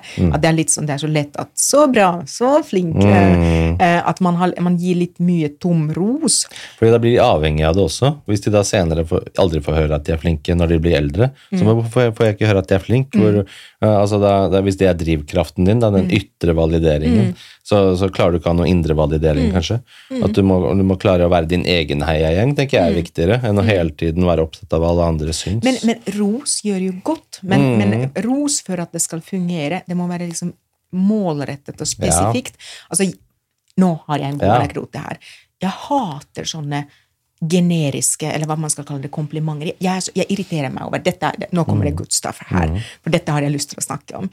Uh, uh, I den um, jeg, Som sagt, jeg stemte jo på Venstre, eh, og Venstre Lillehammer Jeg leste jo liksom programmet, jeg er medlem også i Venstre, så det er ikke så mye veldig nytt i programmet, men man må liksom se hva, hva det de egentlig mener, og hva det de vil. Eh, og, så og så står det i Lillehammer Venstres brosjyr eller den der program, at Lillehammerskolen har ekstremt dyktige lærere. Og jeg bare Hæ? Og så skriver de på Facebook hvor de reklamerer for denne brosjyren sin at ja, hvor, hva er belegg for å si at Lillehammer-skolen har ekstremt dårlige, eller ekstremt gode lærere, ekstremt dyktige lærere? Altså, Det er sånn kompliment at du bare kaster en kompliment. Mm. Altså, alle lærere i hele Lillehammer er jævlig flinke. Ja, ja. Men de er jo neppe det. Altså, at, sikkert noen er det, men, men liksom sånn Eller sånn um, Nå var det lyst ut mange stillinger, vi får mange nye lærere på jobben min, og så var det lyst ut en stille, den, de der lærerstillingene nå før sommeren, og så sto det så sto det utlyst en 'fantastiske elever', og jeg bare Har vi det? det er sånn, eller, eller når du på en måte Jo, eller, eller en, enda, enda et eksempel. Altså på sånne foreldremøter hvor læreren til eh, ungen din forteller at 'dette er en fantastisk gjeng', 'denne klassen er en fantastisk gjeng'. Og det er sånne komplimenter, altså, fordi de kan ikke si noe annet. Altså, det, altså eh, Lillehammer Venstre kunne ikke ha skrevet at, at lærerne er noe annet enn ekstremt dyktige. Men hvorfor skrive noe som ikke betyr noen ting? Og der, der kommer finnen i meg. Du skal ikke gi komplimenter som er på en måte at alle lærere er flinke. Altså, det varmer meg ingenting hvis alle lærere er, lærere er flinke i Hamarskolen. For jeg vet jo at det er ikke det. Altså, det, det, er jo, det finnes gode lærere, det finnes dårlige lærere. En lærer, og, og den ene og samme læreren kan være god i en klasse og dårlig i en annen, eller god i, en, i et fag. Og, så, så, så sånne liksom sånne mm, kollektive komplimenter, det er kanskje det riktige ordet. Det hater jeg.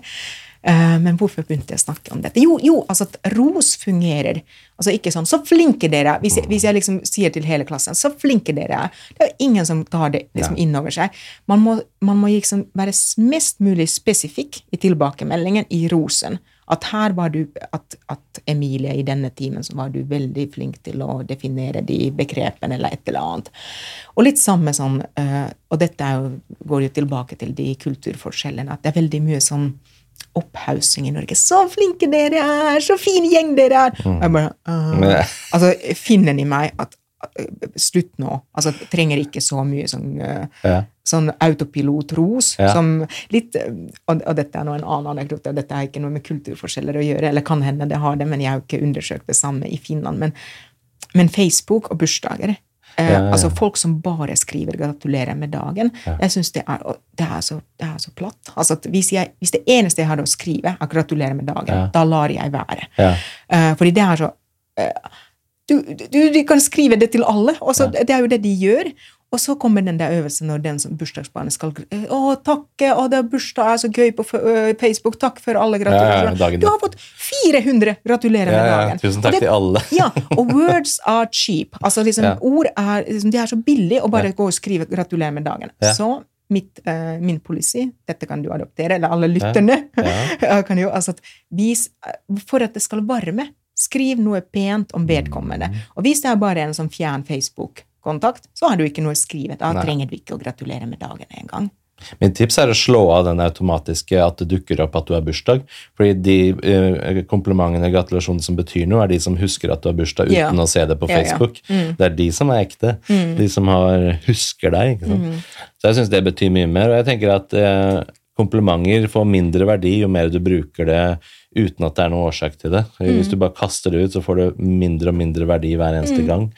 Og Jeg tror det er kanskje litt sånn amerikansk kultur, hvor de har den småpraten sin, hvor de alltid, når de møtes, ah, you look great, og Mm. de starter med komplimenter med en gang, at det er kanskje noe av det vi importerer her i Norge også. Ja, og det tenker jeg også sånn kulturelt, at jeg har bodd også i California, hvor, jeg liksom, hvor man oversvømmes av Mm. Ja, ja. komplimenter og Og Spesielt tomprat. utseende hele tiden. Ja, ja, ja. Mm. Jeg har aldri følt meg så vakker som da jeg bodde i California. Altså liksom Alle de komplimentene som jeg fikk på min hud, og å, wow!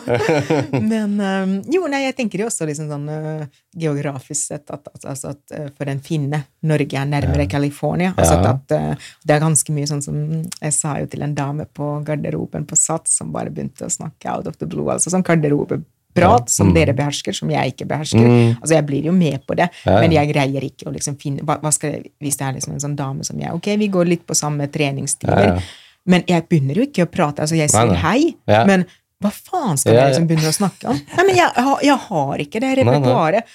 Altså, eh, og så føler jeg at det er så bortkastet. Og skal jeg bare begynne å snakke om været? Eller liksom, eh, nei, da er det bedre å være stille. Men hun var så flink til å bare liksom Ja, noen er veldig dyktige til ja, det. ja, ja. Og det er jo de som gjerne blir selgere, kanskje, eller Ja. som på en måte tuner inn. Ja, eh, Men jeg tror det. mm. Det burde vært en sånn når man kommer til Norge, sånn innføring manual i norsk småpratkultur. Vær så god. Så har du liksom trinnene. for Hva kan man prate om i garderobeprat? Hva kan du lære seg? Jeg var nå en uke, bodde en uke på hotell med halve ungeflokken, altså to av ungene mine i Helsinki. Vi var, eh, hadde en uke i Helsinki, veldig fin uke. Eller man blir jo lei av å bo på et hotell, men, eh, men det var han også. Men i heisen på dette hotellet så var det sånn liksom på, påminnelse dette er det på engelsk at dette er et finsk hotell. Vi pleier ikke å snakke i heisen. så gøy. Ja, Det- det var et sånn kulturell kode. Mm. Hva tror du det kommer av da, i akkurat Finland? At man er litt mer sånn Holder litt tett på komplimentene, litt mindre småprat. Hvor kommer den kulturen fra, tror du? Vet ikke, men jeg tenker at, eh, at det er litt sånn ulike måter å oppfatte det hva som er høflig. Altså at amerikanerne oppfatter det som høflig å fylle tomrommet, Ja. mens finnene tenker at du skal beholde ditt tomrom, og jeg skal beholde mitt tomrom. Altså vi har jo vi blir jo ikke forstyrret av stillhet. Altså Tvert imot. At eh, det å opprettholde stillhet er jo egentlig høflig. Når, hvis man ikke har noe å prate om, hvorfor skal man da prate om noen ting? Mm, ikke skape støy. Mm. Altså at jeg tenker at det er en kulturell kode at, uh, at vi er enten no talk eller big talk. Mm. Og hvis det ikke er noe eh, altså Alt det som er mellom, er jo egentlig unødvendig. Mm. Eh, og hvorfor fylle opp lufta med noe som er unødvendig? Det er sånn jeg alltid har tenkt også. Mm. At det er mye bedre å, hvis du skal si noe, så må det ha en viss verdi. Eller at du prøver å få noe verdi ut av samtalen. Mm. Men når det er sagt, så sa jeg også til hun dama på garderoben i Sats at, eh, at jeg blir jo i Norge, så blir jeg mer norsk, for at jeg ikke blir oppfattet som uhøflig. Så på en måte jeg, jeg hyggeprater jo med dem som hyggeprater med meg. Ja, ja. Altså at jeg tar, jeg tar jo ikke helt sånn enstavelsessvar. Nei. Så jeg er mye blidere Ja. eh, når jeg er i Norge kontra når jeg er i Finland. Da kan jeg liksom slappe av og være litt mutt og det som er eh, behagelig for meg som finne. Men det er interessant når du er inne på det eh, oppfattes mer norsk. Da, hva vil du si at det betyr å være norsk? Er en nordmann for noe? Kan man, la oss gå inn på den. Hva, hva er det er, ikke å en subjektiv norsk? følelse? Altså, det. at, eh, jeg tenker i hvert fall at um, at man må liksom spørre seg selv er er jeg norsk. Og hvis svaret er ja, så er man norsk. Altså at Mm. eh, Dette bør være helt uproblematisk å kunne definere selv. Og jeg er veldig opptatt av å definere meg selv som ikke-norsk. Altså Jeg blir jo alltid litt sånn fornærmet vis. Altså at jeg kan legges frem eller presenteres i aviser, eller eh, hvis jeg holder et foredrag som den finsk-norske samfunnsdebattanten eller den finsk-norske forfatteren. Og så korrigerer jeg alltid. Jeg er ikke norsk, jeg er bare finsk. Men jeg gjør det jo delvis også fordi uh, jeg er jo eh, på en måte smertelig klar over at jeg ikke snakker uh, Altså at jeg, at jeg har min etnolekt, at jeg har en aksent når jeg snakker uh, norsk. Så man hører at jeg ikke er norsk. Eh, og så er det også altså at jeg har ikke tatt statsborgerskap, fordi hva skal jeg med det? Det eneste jeg skal, skulle med det, var jo å stemme ved et stortingsvalg. Men uh, det har jo ikke vært uh, Eller det har jo ikke vært et stort savn, eller det er bare et savn hvert fjerde år. Og så koster, altså Nå som man tillater dobbelt statsborgerskap Nå kunne jeg jo blitt norsk, men det koster jo noen tusenlapper. Og det har liksom ikke de fordelene. Men, eh, men jeg er jo alltid sånn at nei, jeg er ikke norsk, og jeg bor i Norge. Eh, Det gjør jeg, men, men liksom jeg trenger ikke å være norsk heller. Altså Det holder at eh, det kanskje liksom, Man hadde kanskje hatt større behov for å definere seg som norsk hvis man kom jeg vet ikke, utenfor Norden, kanskje fra den tidligere tredje verden. Mm. at, at nasjonalitet, altså I og med at nasjonalitet, norsk nasjonalitet da åpner dører, tilgang til tjenester som jeg har tilgang til i kraft av å være finsk. Hva er det som skulle til for at du la oss si, hypotetisk skulle definere deg som norsk? Hva hvis du, Jeg vet, jeg vet. Ja. Ja. Mm. Um, førsteplass på stortingsvalglista i Innlandet uh, Innlandet Høyre. Mm. Da, da blir jeg norsk på dagen. Ja. For da er jeg garantert plass på Stortinget. ja, riktig. Men også det å ha Så dette som et tilbud til Innlandet Høyre. Ja. Jeg hadde lyst på en jævla god kandidat. Men det, hvis du la oss si, hadde norsk statsborgerskap, norsk pass, vil du da se på deg på en måte som norsk, eller handler det å være noe, handler det om kulturen, eller handler det om hvor du er født, eller handler det om uh, Prøv liksom å se Det må være summen av det. summen, ja. Mm. Men det må jo være også sånn um, Altså at uh, hvis jeg hadde Altså at jeg kjenner veldig godt 17. mai at jeg ikke er norsk, fordi jeg betrakter alt gjennom liksom et sånt vindu. eller Mm. Ja, sånn at, ok, Gå med det, finsk flagg i toget. Altså. Nei, jeg, jeg, jeg bare blir hjemme, fordi Ja. det blir liksom blir too much. Altså, Mm. nei, og jeg, har- jeg har ikke noe lyst til å provosere, jeg trenger ikke å gå med et finsk flagg. Men, men liksom um, det, gir ingen altså Jeg får jo ingen nasjonalfølelse av det. Eller jeg får jo Mm. ingen, jeg blir ikke varm i hjertet av det. Jeg bare registrerer ok, dere feirer, Mm. men jeg kjenner ikke at dette er min dag. Men jeg har jo uh, altså det er jo finske ting, altså sånn som nå i sommer. Vi har jo litt sånn tradisjon å gå på litt på historiske museer, og, uh, og krigshistorie er veldig sentralt i Finland. Hvis jeg ser på en finsk krigsfilm, eller hvis jeg leser en bok Nå hører jeg på en lydbok hvor man har kommet til Jo, jeg hører på en veldig god lydbok. eh, Dette er på finsk på Storytel. Altså hun som etablerte Marimekko, altså den store finske tekstil- og tekstilprodusenten og klesprodusenten, interiørprodusenten. Og hun Nå har vi akkurat kommet til vinterkrigen, eh, og, eh, og hun mister alle sine tre brødre i vinterkrigen. Og da kan jeg liksom kjenne meg veldig finsk, for dette er jo en del av min slektshistorie også. Altså, jeg også har en bestemor som mistet sine tre brødre i krigen og sånn. Så, øh, og da, da liksom kjenner jeg hvor finsk jeg er, hvordan liksom nå to generasjoner etterpå, hvordan jeg liksom bærer fortsatt den sorgen eller den der krigens arv. Og det gir jo meg en nasjonal følelse, og det gjør meg varm, og det gjør meg liksom takknemlig. Takknemlig for disse som mistet livet sitt for at jeg skulle kunne leve et fritt og godt liv. eh, i et, ikke i Sovjet-Finland, men i Finland. Eh, og, og sånne ting liksom rører meg fordi jeg er finsk. Og, og så selvsagt, altså, Teoretisk sett så vet jeg som historiker at nasjonalisme er jo bare en eh, en oppfinnelse. altså Det er bare en teoretisk konstruksjon som har fungert noe ganske bra i, en viss tidsrom, eh, i et visst tidsrom i historien. Det kan godt hende at det kommer noe annet etterpå. Men jeg kan liksom kjenne de nasjonalistiske og de nasjonale følelsene og den varmen og den takknemligheten. Men jeg liksom når var jeg i denne boken, Den jegerånden, Mm. der var det liksom en eller annen sånn bilde da, før da du kom med kaffe. liksom. Mm. For det sto 'en norsk krigshelt', Ja, så ja. jeg bare le. Ha-ha, finnes det norske krigshelter? jeg. Så, så, sånn, distanse kan jeg ha til Ja, ja, ja. norsk historie, nordmenn, norskhet. Ja. Altså, jeg er jo kjempeglad i Norge, det er jo ikke det. Og jeg trives godt her og liker, Ja. li, liker Norge og nordmenn. Men, men jeg er jo ikke norsk. Nei, og jeg blir sikkert ikke norsk, fordi den, liksom, den grunnleggende ryggmargsrefleksen min er så finsk. Det det jeg prøver liksom å finne ut av hva betyr det å være norsk. ikke sant? Så kanskje det har mye med det røttene, hvor man kommer fra, hva man har vokst opp med, historien sin, eh, de tidligste minnene, Mm. familie. Altså det, det dypeste, da. Er det det som kanskje er mest Men- essensen? Ja, ja, og så tenker jeg også, her er det også eh, Nå er ikke dette svaret på ditt spørsmål, men kanskje nå beveger vi oss litt sånn horisontalt her, sånn som man skal i Mm. En ja. podkast. For jeg har tenkt um, mye på dette at uh, Jeg har tenkt jeg har forsket i sin tid på sosial klasse, og tenker veldig mye på sosial klasse. Eh, og jeg har jo slitt ut en norsk ektemann, altså som, eh, som jeg var sammen med i 15 år. Eh, som, eh, som er altså fullstendig norsk. Eller, eller fullstendig og fullstendig, hans far er jo faktisk fra Østerrike, men, men har bodd hele sitt liv i Norge og født og oppvokst her. Og vi hadde jo aldri noen kulturforskjeller i ekteskapet, fordi han er jo gudbrandsdøl, og de er jo litt finner. Altså ikke altfor mange ord og ingen komplimenter, og ikke noe følelsesprat. Altså det er bare helt daust. Eh, Så jeg hadde jo aldri følelse av å være sammen med en norsk mann. Jeg følte at jeg var sammen med en finsk mann. Eh, og det er jo sånn altså at, eh, Ja, jeg tror altså at, ekteskapet gikk i dass. Det har jo ingenting med kulturforskjeller å gjøre. Og jeg liksom senere tenkt at jeg tror klassebakgrunn er mye, mye mer avgjørende her. At uh, Norge og Finland på 80-tallet, da vi var 70 Han, han var liksom, var noen år eldre enn meg, så han har jo liksom levd gjennom 70-tallet. Jeg rakk så vidt å bli født helt på, mot slutten av 70-tallet. Men vi har vokst opp under omtrent like forhold. altså sånn sosialklassemessig, og så har sett på de samme TV-programmene. samme Referanser, musikken. liksom? Ja, referanserammene er like. Og, og hvor mye penger man hadde i barndomsfamilien, som jeg antar styrer ganske mye. Um, altså ditt forhold til penger, ditt forhold til sosial klasse. Altså at, at, vi, hadde, vi hadde lik oppvekstbakgrunn. Altså samme, litt samme tenker jeg nå, uh, nå som jeg er i lag med han, som jeg sa at jeg kom fra Lilleaker, fra andre siden av Oslo. Og han er jo heldigvis ikke en Oslo Vest-mann, altså sånn ikke født og oppvokst i Oslo Vest, fordi da tror jeg liksom at man, at den klasseforskjellen hadde kommet inn i bildet.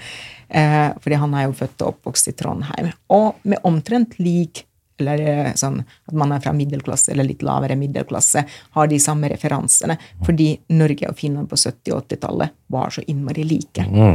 Så, så det tenker jeg at eh, nordmenn er veldig, er veldig lite vant til å drøfte, diskutere, tematisere sosial klasse. At det er litt sånn farlig tanke for dem, fordi man, har, man er så opptatt av at alle er helt like. ja. Likhetskultur. Mm. Men alle er jo ikke helt like. Og det, sånn, øh, og, og det du er født og oppvokst med, som jeg sa, det definerer ditt forhold til penger. Eh, og, og det er jo sånn hvis du skal Sånn som jeg forhåpentligvis øh, på et tidspunkt gifter meg med han mannen fra Lilleaker og liksom skal prøve, dette, prøve, prøve meg på et nytt ekteskap. Ja, Eh, og sånne ting kan jo bli store problemer hvis man har veldig stor, um, stor forskjell på hvordan man betrakter eh, formue, eller hvis man har veldig stor forskjell på formuer. Altså, jeg synes bare det at um, Men nå er jeg sikkert i og med at jeg har forsket på sosial klasse i mange år, at jeg er kanskje ekstra opptatt av sosial klasse, men bare det at jeg og han har omtrent like mye egenkapital hvis vi skal liksom kjøpe noe sammen, det er bra. Altså, det syns jeg at, at det er ikke så vanvittig. Han har jo høyere lønn enn meg, altså privat, offentlig sektor, men, men at man ikke har kjempestore forskjeller på uh, hvor mye man tjener, hvor mye egenkapital man har, det tenker jeg nesten, nesten viktigere enn hvilket land, hvilket språk. altså I og med at Norge og Finland er ganske like. Mm. Det er at det er vestlige land, i Mm. hvert fall. At det har mye mer å si. At eh, det er det viktigste, kanskje. At det er Ja. ganske like Norden, kulturrammer. Norden Ja, tenker jeg er Norden, veldig likt. Mm. Fordi det var jo veldig, sånn som da jeg bodde i USA, veldig lett å bonde med de som kom fra Norden. Mm. Ja. Fordi det er liksom, man har, man har, de referanserammene er så like, så man trenger liksom ikke å forklare seg så veldig mye. Mm. Hva vil du si at norsk kultur ehm, kan karakteriseres som, når du ser det litt sånn med finske øyne litt utenifra? Hva er norsk kultur, på en måte? Hva er overskriftene der? happy go lucky. Ja. Optimisme? Ja, altså litt sånn, dere er jo så bekymringsfrie. Altså, fordi Ja. dere er og det er jo litt sånn, dette går jo tilbake litt til skolen også, fordi jeg tror liksom at de fleste elevene de vokser jo opp i Spesielt jeg jobber på en skole på Hamar vest. altså at uh, Veldig lite fattigdom, veldig Mm. lite altså at er, De vokser opp i ekstrem velstand. altså De har to foreldre som går på jobb, og de har kanskje ett søsken. altså De har jo penger til Jeg ironiserte, jeg hadde en elev. Hun tåler det. altså En eh, oppegående, søt, eh, flott jente som liksom rett før eksamen eller liksom en gang i mai skulle ta en helgetur til New York. Jeg bare, Ja. ja, ja, du tar en helgetur til New York nå, du. Ja, ja, ja. Og det er litt sånn som jeg sa, at, jeg sa at du er, du er norsk elev i et nøtteskall. Ja, ja, ja, ja. Tiende klasse. Ta en liten helgetur med søstera si til New York. Det er nesten overklasse, da. Det er ikke middelklasse lenger. Jo, jeg tror det. det er det. Altså, selv jeg, eller nå er jeg ikke altså jeg, jeg Som jeg alltid sier, at jeg er en fattig alenemor på Kiwi, fordi jeg Mm. bor på toppen av en Kiwi-butikk. eller at Jeg er alenemor og firebarnsmor. Jeg kunne tatt en helgetur Ja, ja. til New York hvis jeg ville, Ja. hvis det var det jeg prioriterte å bruke pengene mine på, men, men jeg bare orker ikke det. Jeg syns det høres så masete ut. Liksom. Lang helg, eller sånn fredag-søndag, eller torsdag-søndag i New York. Nei, jeg drar heller til Finland. Men norsk kultur, liksom optimisme, happy-go-lucky, Ja. velstand Bekymringsløst. Bekymringsløst. Fordi eh, på en måte det er alltid det er alltid Nav, det er alltid olje, det er alltid noen sånn At det er et sikkerhetsnett som Yes. redder deg. Ja, For jeg tror liksom um, Hvis jeg tenker på meg som finne Jeg husker den store økonomiske depresjonen da Sovjet falt, den finske østhandelen falt. Husker da min far mistet jobben, kom hjem, liksom ble arbeidsledig. Jeg husker den miseren. Jeg er født og oppvokst i Lahti. På sitt verste tror jeg arbeidsledigheten i Lahti var 28 Det var helt grusomt. Jeg var på ungdomsskolen da. Så jeg har på en måte den den opplevelsen i kroppen, så jeg tenkte, jeg husker jeg hadde et veldig sånn bevisst tanke at jeg skal studere så jævlig hardt at jeg aldri blir arbeidsledig. Eh, og alltid liksom sånn Jeg må alltid ha bufferkonto. altså at Jeg må alltid ha en backup. altså at Jeg må jeg er veldig opptatt av trygghet. Ja. Trolig mye mer opptatt enn en gjennomsnittlig nordmann. Eh, og, og jeg er også som en god finne veldig opptatt av å betale boliglånet gjerne litt fortere enn eh, liksom ikke sånn at, eh, at man kjører avdragsfritt og liksom Mm. bruker penger. Jeg er heller sånn å, må bli gjeldsfri, må bli gjeldsfri. Ja, ja. og det, kan jeg, det kunne jeg kanskje ha klart i Innlandet, men hvis jeg flytter til Oslo, så er jeg plutselig så så jeg, gjeldsslave. Ja, nettopp. nettopp. Men hadde de Mm. ikke noe sikkerhetsnett da i Finland på den tiden? Altså, Fikk han noe fra staten og sånn? Var det Jo, jo, jo, jo, man, har jo, man hadde jo Nav, men, men altså, at, i den økonomiske depresjonen altså, Dette er jo litt som makroøkonomi. Østhandelen tar slutt, man har liksom ikke noe eksport til Sovjet lenger. Så man må jo begynne å kutte vanvittig mye på de sosiale ytelsene. Samme litt den høyreregjeringen nå uh, i Finland gjør.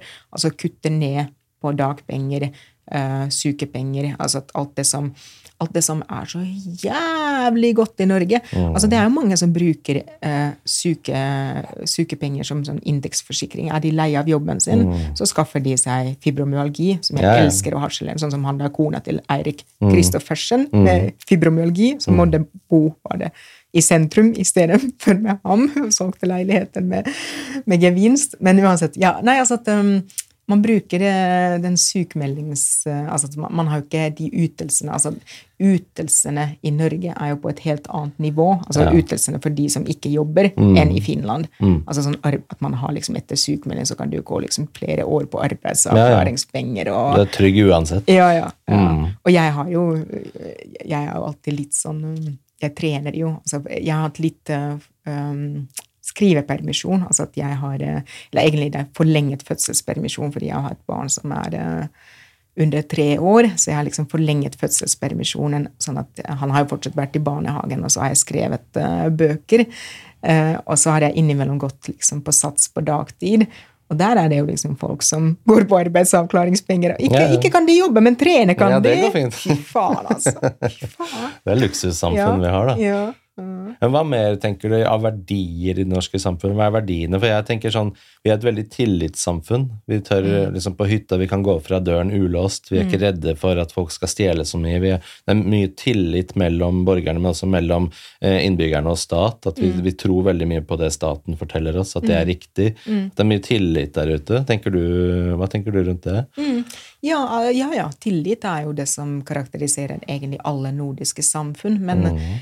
Men jeg tror, men her trenger du liksom andre folk enn meg til å snakke om, Mm. som kan snakke om dette med hva gjør uh, For jeg er veldig sånn altså Som sagt, jeg stemmer jo på Venstre, Mm. for uh, mer innvandring. Mm. Men, uh, og det er lett for meg også på Lillehammer eller på Hamar å være for uh, mer innvandring. Mens hvis jeg flytter til Oslo, så, og, og allerede det lille jeg ser at dette er en delt by, altså at eh, jeg Ja. har kommet hele veien fra Oslo vest til Oslo øst, Ja, ja. og ville jeg hatt mer innvandring her, burde man kanskje blande litt mer først, eller et eller annet. Altså at, eh, og så er det jo sånn at, um, at det med eh, innvandring, det gjør jo sikkert noe med tillit, men igjen, her tenker jeg litt med en åpen munn uten at jeg er godt nok skolert eller godt nok belest til å snakke om disse tingene med troverdighet. Og jeg tenker at eh, det er noe av det vi er nødt til å ta vare på, fordi det er så det er noe av det fineste med nordiske samfunn.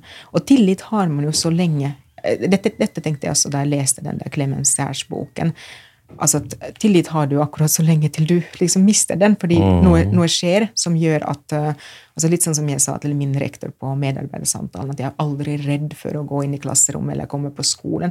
Men plutselig, hvis det skjer en dag, så har du mistet den på en måte, den tilliten. Eller da er du redd Ja. og markert Og da må resten den av bygges opp igjen. Mm. Ja, og kanskje, og hvis det skjer noe sånn som det skjedde med ham, altså at han nesten ble tatt livet av, Mm. kanskje får du aldri den tilliten igjen. Og det er jo um, uh, og det er jo veldig, veldig uh, trist. uh, og, men, men hva skulle jeg egentlig Ja, altså at det, så langt så lever jeg jo Altså at min tillit er jo høy eh, til samfunnet, til andre innbyggere. Eh, altså at jeg er lever jo ganske sånn bekymringsfri, altså litt sånn blåøyd Ja, ja. liv. Mm. Ikke alltid jeg låser på Lillehammer heller, det er litt avhengig. Ja, ja. Eh, Altså at jeg har sånne, Det har skjedd noen ganger at postkassa mi blir stjålet, og, og da begynner jeg alltid å låse Ja, døra, være flinkere med å låse døra. Ja. Men det er interessant det å se, nettopp du kommer fra Finland og så se bare Uten at det må være liksom basert i forskning og teori, men mer sånn bare hva du ser, hva du opplever som, som norskt, på en måte. Hvis du ser en person som den, dette er en norsk person, dette er en finsk person, hva vil de, liksom, de generelle forskjellene være? Uh, ikke spesifikt, men mer sånn ofte, da. Sånn gjennomsnittlig, de forskjellene som du ser. Nei, som jeg sa, at finner er mer direkte, og vi er Mm. mindre pratsomme. Altså, ja.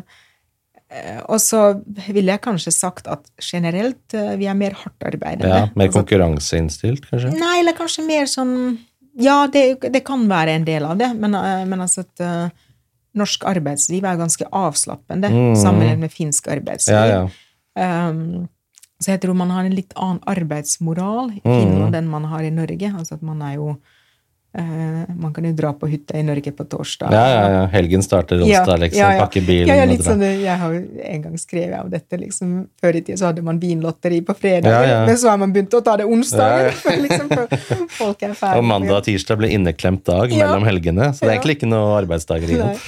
Nei. Nei, så det er sånn, øh, så nordmenn setter mye altså Jo, en gjennomsnittlig finne, og dette har jo vært diskutert litt, jeg er en sånn finnegruppe på Facebook, altså Mm. man henter veldig mye av sin identitet og ære gjennom jobben, Aha. og gjøre jobben sin bra. Eh, Så jeg tror en gjennomsnittlig finsk identitet er mye mer knyttet til arbeidsidentiteten og hvordan man leverer på jobb. Yrkesstolthet. Ja, ja. og nordmenn er jo sånn altså, Man har jo eh, dette er selvsagt, altså dette er, Nå snakker vi veldig grovt. Er- generaliteter. Ja, ja, det er mange dyktige folk Mm. uh, på jobben min, på, sikkert på din jobb også, altså Mm. sånn, eh, som leverer prima, til Mm. tross for at de er nordmenn.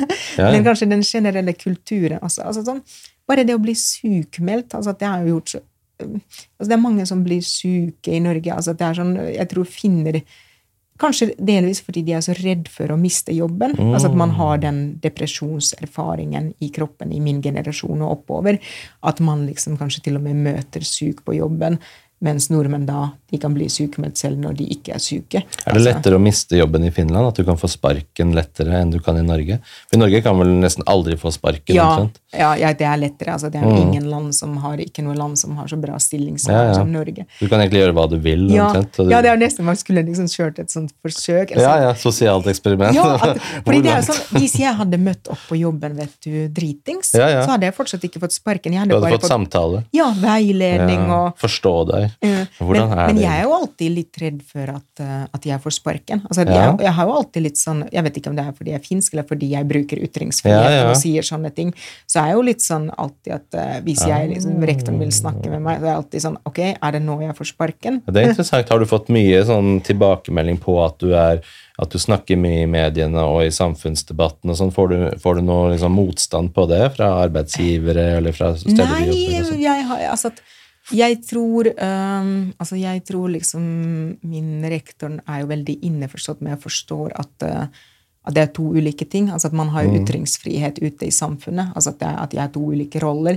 Altså jobben er vanlig lærer på lik linje med alle og opererer ut fra forskriften og opplæringsloven og, Ja, ja. og rektorens styringsrett. øh, gjør det hun sier at jeg skal gjøre. Og så, um, og så, har, man, så har jeg en annen jobb eller en annen rolle Mm. som, eh, eh, som meningsbærer Mm. eh, når jeg bruker ytringsfriheten min. Og noen ganger, sånn som her også, liksom, jeg må tenke hva kan jeg si? Altså at Jeg kan jo ikke komme med altfor spesifikke eksempler. altså at Jeg har også Mm. Taushetsplikt, og det sier jo av seg selv. Mm. Men det er jo det er klart at det er noen sånne gråsoner hvor jeg også tenker at jeg kan bli tatt for dette, eller at dette kan bli tatt ille opp.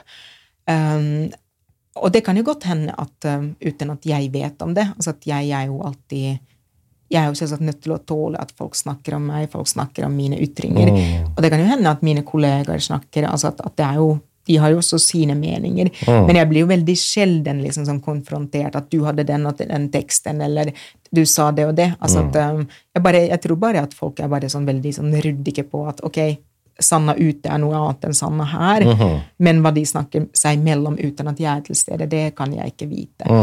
Men jeg tenker jo, og dette er liksom sagt eh, på podkaster um, eh, tidligere, eller ellers også, men, men dette er jo sånn Man vet jo ikke alltid altså at nå går vi tilbake til de elevene som, som ikke ser i speilet og liksom klager på ytre omstendigheter eller alle andre. Altså Dette er jo som, eh, som plager jo meg, at, eh, at jeg ikke får jobb på Lillehammer. Og det kan jo hende at kanskje er jeg så udugelig at, at jeg ikke får jobb på Lillehammer, men eh, altså at det kan jo være meg, selv om jeg leter etter altså Delvis er dette jo en psykologisk innstilling alle mennesker har. altså at For å opprettholde et positivt og godt selvbilde, så leter vi egentlig etter årsaker hos andre. At det er ikke min Mm. feil, at egentlig jeg, jeg er jævlig god, det er alle andres feil. Mm. Så egentlig disse elevene som klager, er det, det er jo egentlig en vanlig sånn Ja, ja. mekanisme, det også. Mm. Og så samme her, altså at um, Fordi nå uh, innimellom altså ikke, Jeg orker ikke hvert år, men jeg søker jo lærerjobber i Lillehammer kommune. Mm. altså for å, for å kunne ha en tilsvarende jobb uh, med mye kortere reisetid. altså Nå sitter jeg i bilen to timer hver dag for å komme meg uh, til og fra jobb. Eh, og det er jo liksom sånn Jeg har et helt vanlig yrke. altså at Vi skulle tro at jeg kunne undervist på Lillehammer også, men nei, nei, de vil ikke gi meg jobb. De vil ikke det? Nei, nei og, det, og det er jo litt sånn det, Og nå i år så jeg informerte min rektor på Hamar at, at bare så du vet, fordi dette er offentlige søkelister, at jeg, jeg søker nå igjen, men jeg gjør det Altså at jeg vet at jeg ikke får, men jeg gjør det bare for å kunne si at jeg får jo ikke jobb på Lillehammer når jeg liksom endelig reiser derfra. Og det er jo, jeg har ikke engang fått liksom noe sånn mm, at takk for søknaden, at du ble ikke tatt i betraktning. Altså de har intervjuet noen andre. Og det er jo litt så morsomt, fordi jeg er jo egentlig toppkompetent som lærer. Altså at jeg har jo flere undervisningsfag, massivt med studiepoeng, lang erfaring. Altså at jeg er jo en eh, lektor med lang ansiennitet. Og hvis man skal i offentlig sektor, så skal man jo operere ut fra kompetanseprinsippet. Eh, så, så jeg egentlig burde jeg ha blitt kalt til intervju, og så skulle de kanskje ha funnet en årsak til, altså en unnskyldning at ut fra helhetsvurdering, ikke vet jeg, jeg kan ikke, men, men jeg blir jo ikke engang innkalt til intervju. Altså at, eh, at Hva tror du det kommer av? ja, Min hypotese er jo at fordi jeg er en meningsbærer altså at jeg kommer med altså Lillehammer er en veldig sosialistisk by. altså Det har, jo, vært Arbeiderparti-styrt helt siden krigen i alle årene. Eh, og så er det en by i Gudbrandsdalen, eh, og det er jo folk har enten ikke meninger i det hele tatt, eller så har de bare de riktige meningene. Aha. Og de riktige meningene de er jo i tråd med Arbeiderpartiets politikk. Så de tingene som jeg sier om skole, de er jo veldig politisk ukorrekte. fordi de er jo ikke sosialdemokratiske meninger om skole. Altså, de er jo ikke en, en tilhenger av, eh, av den skolen som er bygd opp eh, på reformpedagogikk og SV og Ap-politikk. Eh, Så, så jeg tror liksom at det er én ting, altså at, at jeg er så avvikende med at jeg har meninger, og de meningene er så avvikende fra mainstream, det som man skal mene. Altså, selv Høyre på Lillehammer er jævlig svak. Altså, de har jo sånn det hører, Når de snakker, det høres ut som Arbeiderpartiet snakker. ja. Altså, at- så de så, ja, de er så tamme. Um, og jeg tror fordi det ikke um, Ja, fordi det ikke slår an. Altså at du vinner ikke med vinner ikke med høyere retorikk, eller hva man skal kalle det. Så det er én ting. Og den andre tingen tror jeg at folk tenker at jeg er veldig krigersk, eller dette er en sånn hypotese jeg har, at folk tenker at jeg er veldig vrang, uh, fordi jeg liker jo samfunnsdebatten, jeg liker å debattere i media. Uh, og da folk tenker kanskje at på en arbeidsplass så er jeg hele tiden sånn at hva mener du, jeg mener dette. Altså at, at det blir- Utfordrer alt. ja, Mm. ja, ja, at, at jeg er veldig slitsom. Aha. Eh, og så mm, Ja, så jeg tror liksom at det handler Dette er som sagt min hypotese. Vi burde ha innkalt, innkalt til podkast. Ja, Ja, ja. Burde vært her alle sammen. Ja, ja, fortell. Hvorfor, Hvorfor ikke- ansetter de Hvorfor får jeg ikke jobb? Gi meg jobb, Hva da. er galt med meg? Og så, og så var det også en som, eh, som jeg ikke har tenkt på tidligere. Og det er jo en eh, veldig interessant observasjon, fordi jeg har jo intervjuet til min neste bok, så intervjuet en sånn gammel lektor på Lillehammer, Lillehammer videregående, og han sa at det kan jo ha noe med din form å gjøre. Og det var et tankekors. Eh, fordi jeg, eh, og, her kommer litt det kulturelle inn, altså at formen min er veldig direkte. Språket mitt er veldig direkte. Så det er på en måte eh, Og dette er litt sånn paradoks, fordi man snakker jo også innenfor sosialismen man snakker så veldig pent om mangfold. At vi skal ha mangfold. Men jeg representerer mangfold som Lillehammer ikke vil ha. Mm. Ja, ja. De er veldig glad i mangfold, bare ikke mangfold av meninger. De Nei, skal nei, ha nei, ikke- enhet i mening. Ja, ja, ja. ja, ja.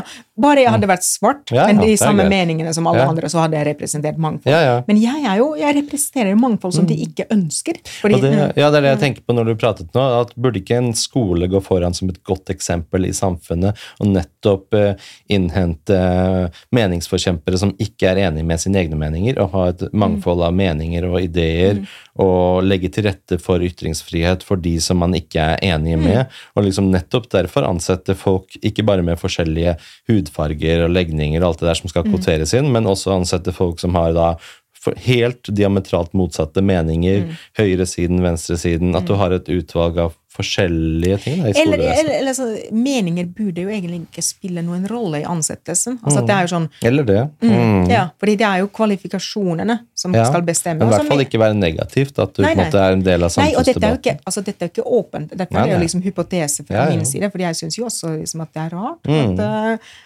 men, eh, men, men jeg tror liksom at i og med at jeg er så synlig på Lillehammer gjennom Mm. disse meningene, eh, og de er så på kanten av det hva en gjennomsnittlig Lillehammer Mm. mener eller kan mene, eh, så blir det en sånn at eh, Ja, og så og så, dette, dette høres nok kanskje litt blærete ut. Dette, eh, dette er bare en hypotese. Altså at jeg er jo smart. Mm. Og hva hvis rektoren er dum? Det er altså ikke min rektor, men hvis du er en dum rektor, vil du ansette en som du er redd for kommer til å ta deg. Altså Jeg er jo ikke ute etter å ta min sjef uansett, selv om jeg hadde hatt en dum sjef, noe jeg ikke har. Men, men altså det kan jo være en sånn Ja. at uh, noen kan være jeg husker en gang, dette var da jeg jobbet i Finland. Uh, jobbet på en sånn, uh, i en stor bedrift, jobbet i Corporate Communications, altså kommunikasjonsavdelingen. Og så skulle de ansette en sånn som um, Nå er det vel pressetalskvinne innenfor økonomisk kommunikasjon, eller sånn fina, eller aksje Et eller annet sånn Ja, jeg husker ikke stillingstittelen eller beskrivelsen. Men jeg var så spent på at hvordan, fordi hun ville jo jobbe ved siden av meg, og liksom eh, det, fordi jeg jobbet med personal og kundebladene. Og så da hun kom, så var hun en sånn mus, en sånn grå mus. Jeg ble bare så, liksom, så skuffet, fordi jeg trodde at det skulle kunne komme liksom, en sånn sprudlende person. Eh, og så sa jeg, min, min daværende kjæreste sa til meg, tror du at de vil liksom altså de som sørger for ansettelsen, kommunikasjonssjefen og kommunikasjonsdirektøren, tror du at de vil ansette en som er dyktigere enn dem selv? Mm, det Så, eh, så det er jo liksom sånn. Men, eh, men som sagt, dette var en veld, et veldig blærete resonnement. Altså, jeg er jo ikke noe supersmart, jeg er bare helt gjennomsnittlig. Men det er jo ikke eh, Altså at, eh, at man kan jo Jeg husker jo også, bare for å ta den uh, nivået av blærethet Mm. ned, husker jeg også på høyskolen, da jeg jobbet på høyskolen, og jeg husker en sånn mm, kollega som var jævlig mye smartere enn meg, og jeg var litt redd for å spise lunsj med henne, fordi hun kunne liksom eh, plukke min argumentasjon i biter, og liksom, Ah. så jeg var liksom, jeg hadde en sånn følelse at hvis jeg ikke skjerper meg skikkelig, hun greier på en måte å ta meg, sånn intellektuelt, Ja. og det hadde jo hun jo greit, eller det ville hun greie, altså at det er jo, eh, at man blir jo litt sånn, Ja, ja. åh, Så du vil ikke ansette en sånn person, for det blir slitsomt. ja, ja. Ikke at, men jeg går altså ikke Ikke er det i min interesse, eller ikke, ikke greier jeg det heller. Men det er ikke sånn at jeg går ut og liksom sånn, er ute etter å ta alle sammen, så dum du er. Men, men jeg bare husker den erfaringen, liksom møte en sånn dritsmart person som ja. liksom kan ta deg når som helst. Ja, ja, ja. Men hva, hvor viktig syns du ytringsfriheten er? Hvor viktig er den i samfunnet? Er det ikke noe av det viktigste vi har i et demokratisk samfunn? Det er en, grunnpilar i et demokratisk samfunn. Mm. Altså at um, tukler vi med den, så er vi ute å kjøre. Ja. Og det, og det er jo kanskje litt sånn hvis jeg fra lære til til noe veldig nobelt og pompøst, at, eh, at det tror jeg så veldig på at det gjør at jeg Altså til tross for at det har personlige kostnader for meg at postkassen min blir stadig vekk stjålet på Lillehammer, og jeg ikke får jobb på Lillehammer, og er kanskje litt som personen noen grater på Lillehammer, så føler jeg likevel en stolthet av å bruke ytringsfriheten min. Jeg var til og med jeg var litt på vippen til, og det ble lust ut sånn eh, Lillehammer har en sånn ytringsfrihetsforum. Eh, så de hadde jo tre stillinger lyst ut.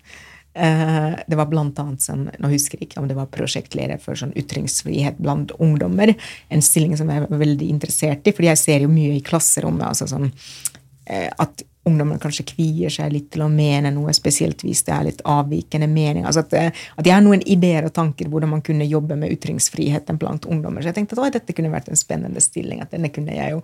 Og så kom det som en sånn Instagram-post at er du opptatt av ytringsfriheten? Og jeg tenkte at jeg er jo ytringsfriheten selv! Dette er en stilling for meg.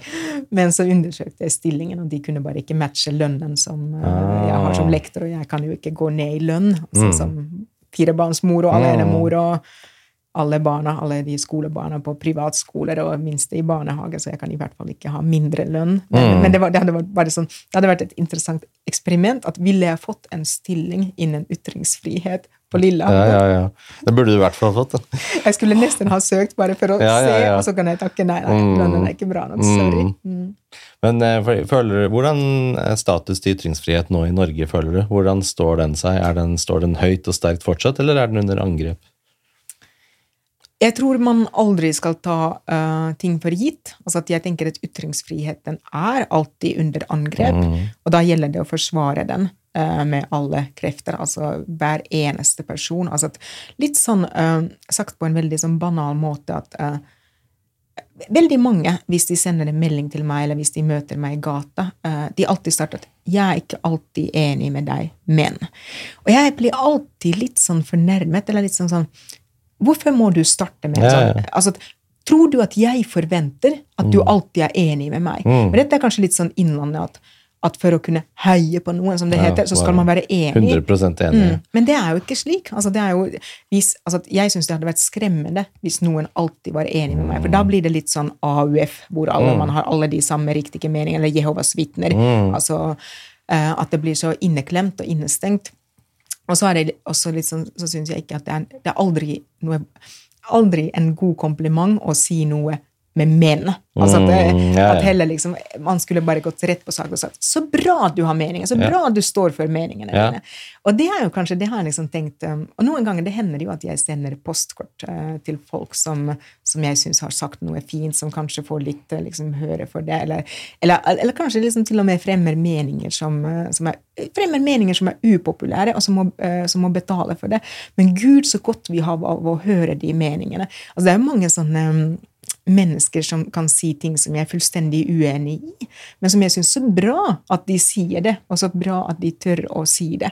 Og det er jo sånn, tenker jeg, at vi alle, selv om selve folk som ikke er meningsbærere selv, uh, som, som ikke, ikke på en måte ikke er ytringsfriheten selv, som jeg Det høres veldig pompøst ut, jeg vet det, men, men altså at vi kan liksom heie og støtte opp under de som kommer ut med meninger. Og litt, litt sånn som i klasserommet. altså litt sånn For å ta dette eksempelet litt ned, at hvis jeg får Veldig sjelden man får en skoleklasse um, Eller det skal veldig mye til å få de elevene, for de er veldig forsiktige til å komme med meninger. altså i forbindelse med valg, kanskje litt når de kan representere, når de får tildelt et parti. Men å komme med egne meninger, mm.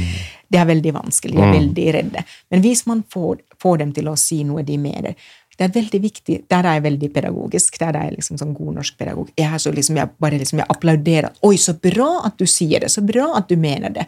Altså, selv om det, her, det kan jo være stikk i strid med hva jeg mener, mm. men så bra altså, at, at, man liksom heier på meningen, altså, og heier enda mer hvis det kommer en begrunnelse for mm. den meningen. Og så kan man begynne å stille spørsmål, altså de motforestillingene som som liksom man alltid skal få for sine ytringer, som gjør at, at man kommer seg videre i egen tenkning og mm. egen skriving. Uh, men jeg tror liksom at der har alle, alle som er opptatt av å kjempe for ytringsfrihet, har en jobb å gjøre med å lære å tåle de meningene. Uh, sånn som jeg kan jo liksom himle øynene av og Jo, jo sist jeg himlet øynene har en uh, en venninne av en venninne som er toppkandidat for SV i Innlandet eller Lillehammer, ikke vet jeg, men hun kommer jo med sånne som jeg tenker liksom er sånn politisk korrektheter. at så fant, Vi har gjort liksom eh, SFO 20 000 billigere fordi de har gitt meg gratis SFO, ikke vet jeg, siden jeg ikke har barn på SFO. Men, men som jeg bare sånn Herregud! liksom jeg tenker bare at, men, men liksom sånn Eh, hvis jeg skal leve sånn som jeg lærer, så bra at hun kommer med den meningen at SFO er blitt billigere. Det er jo det. Det er bra ja. at vi har et meningsmangfold, og det er mm. ulike meninger, selv om jeg er uenig i den meningen.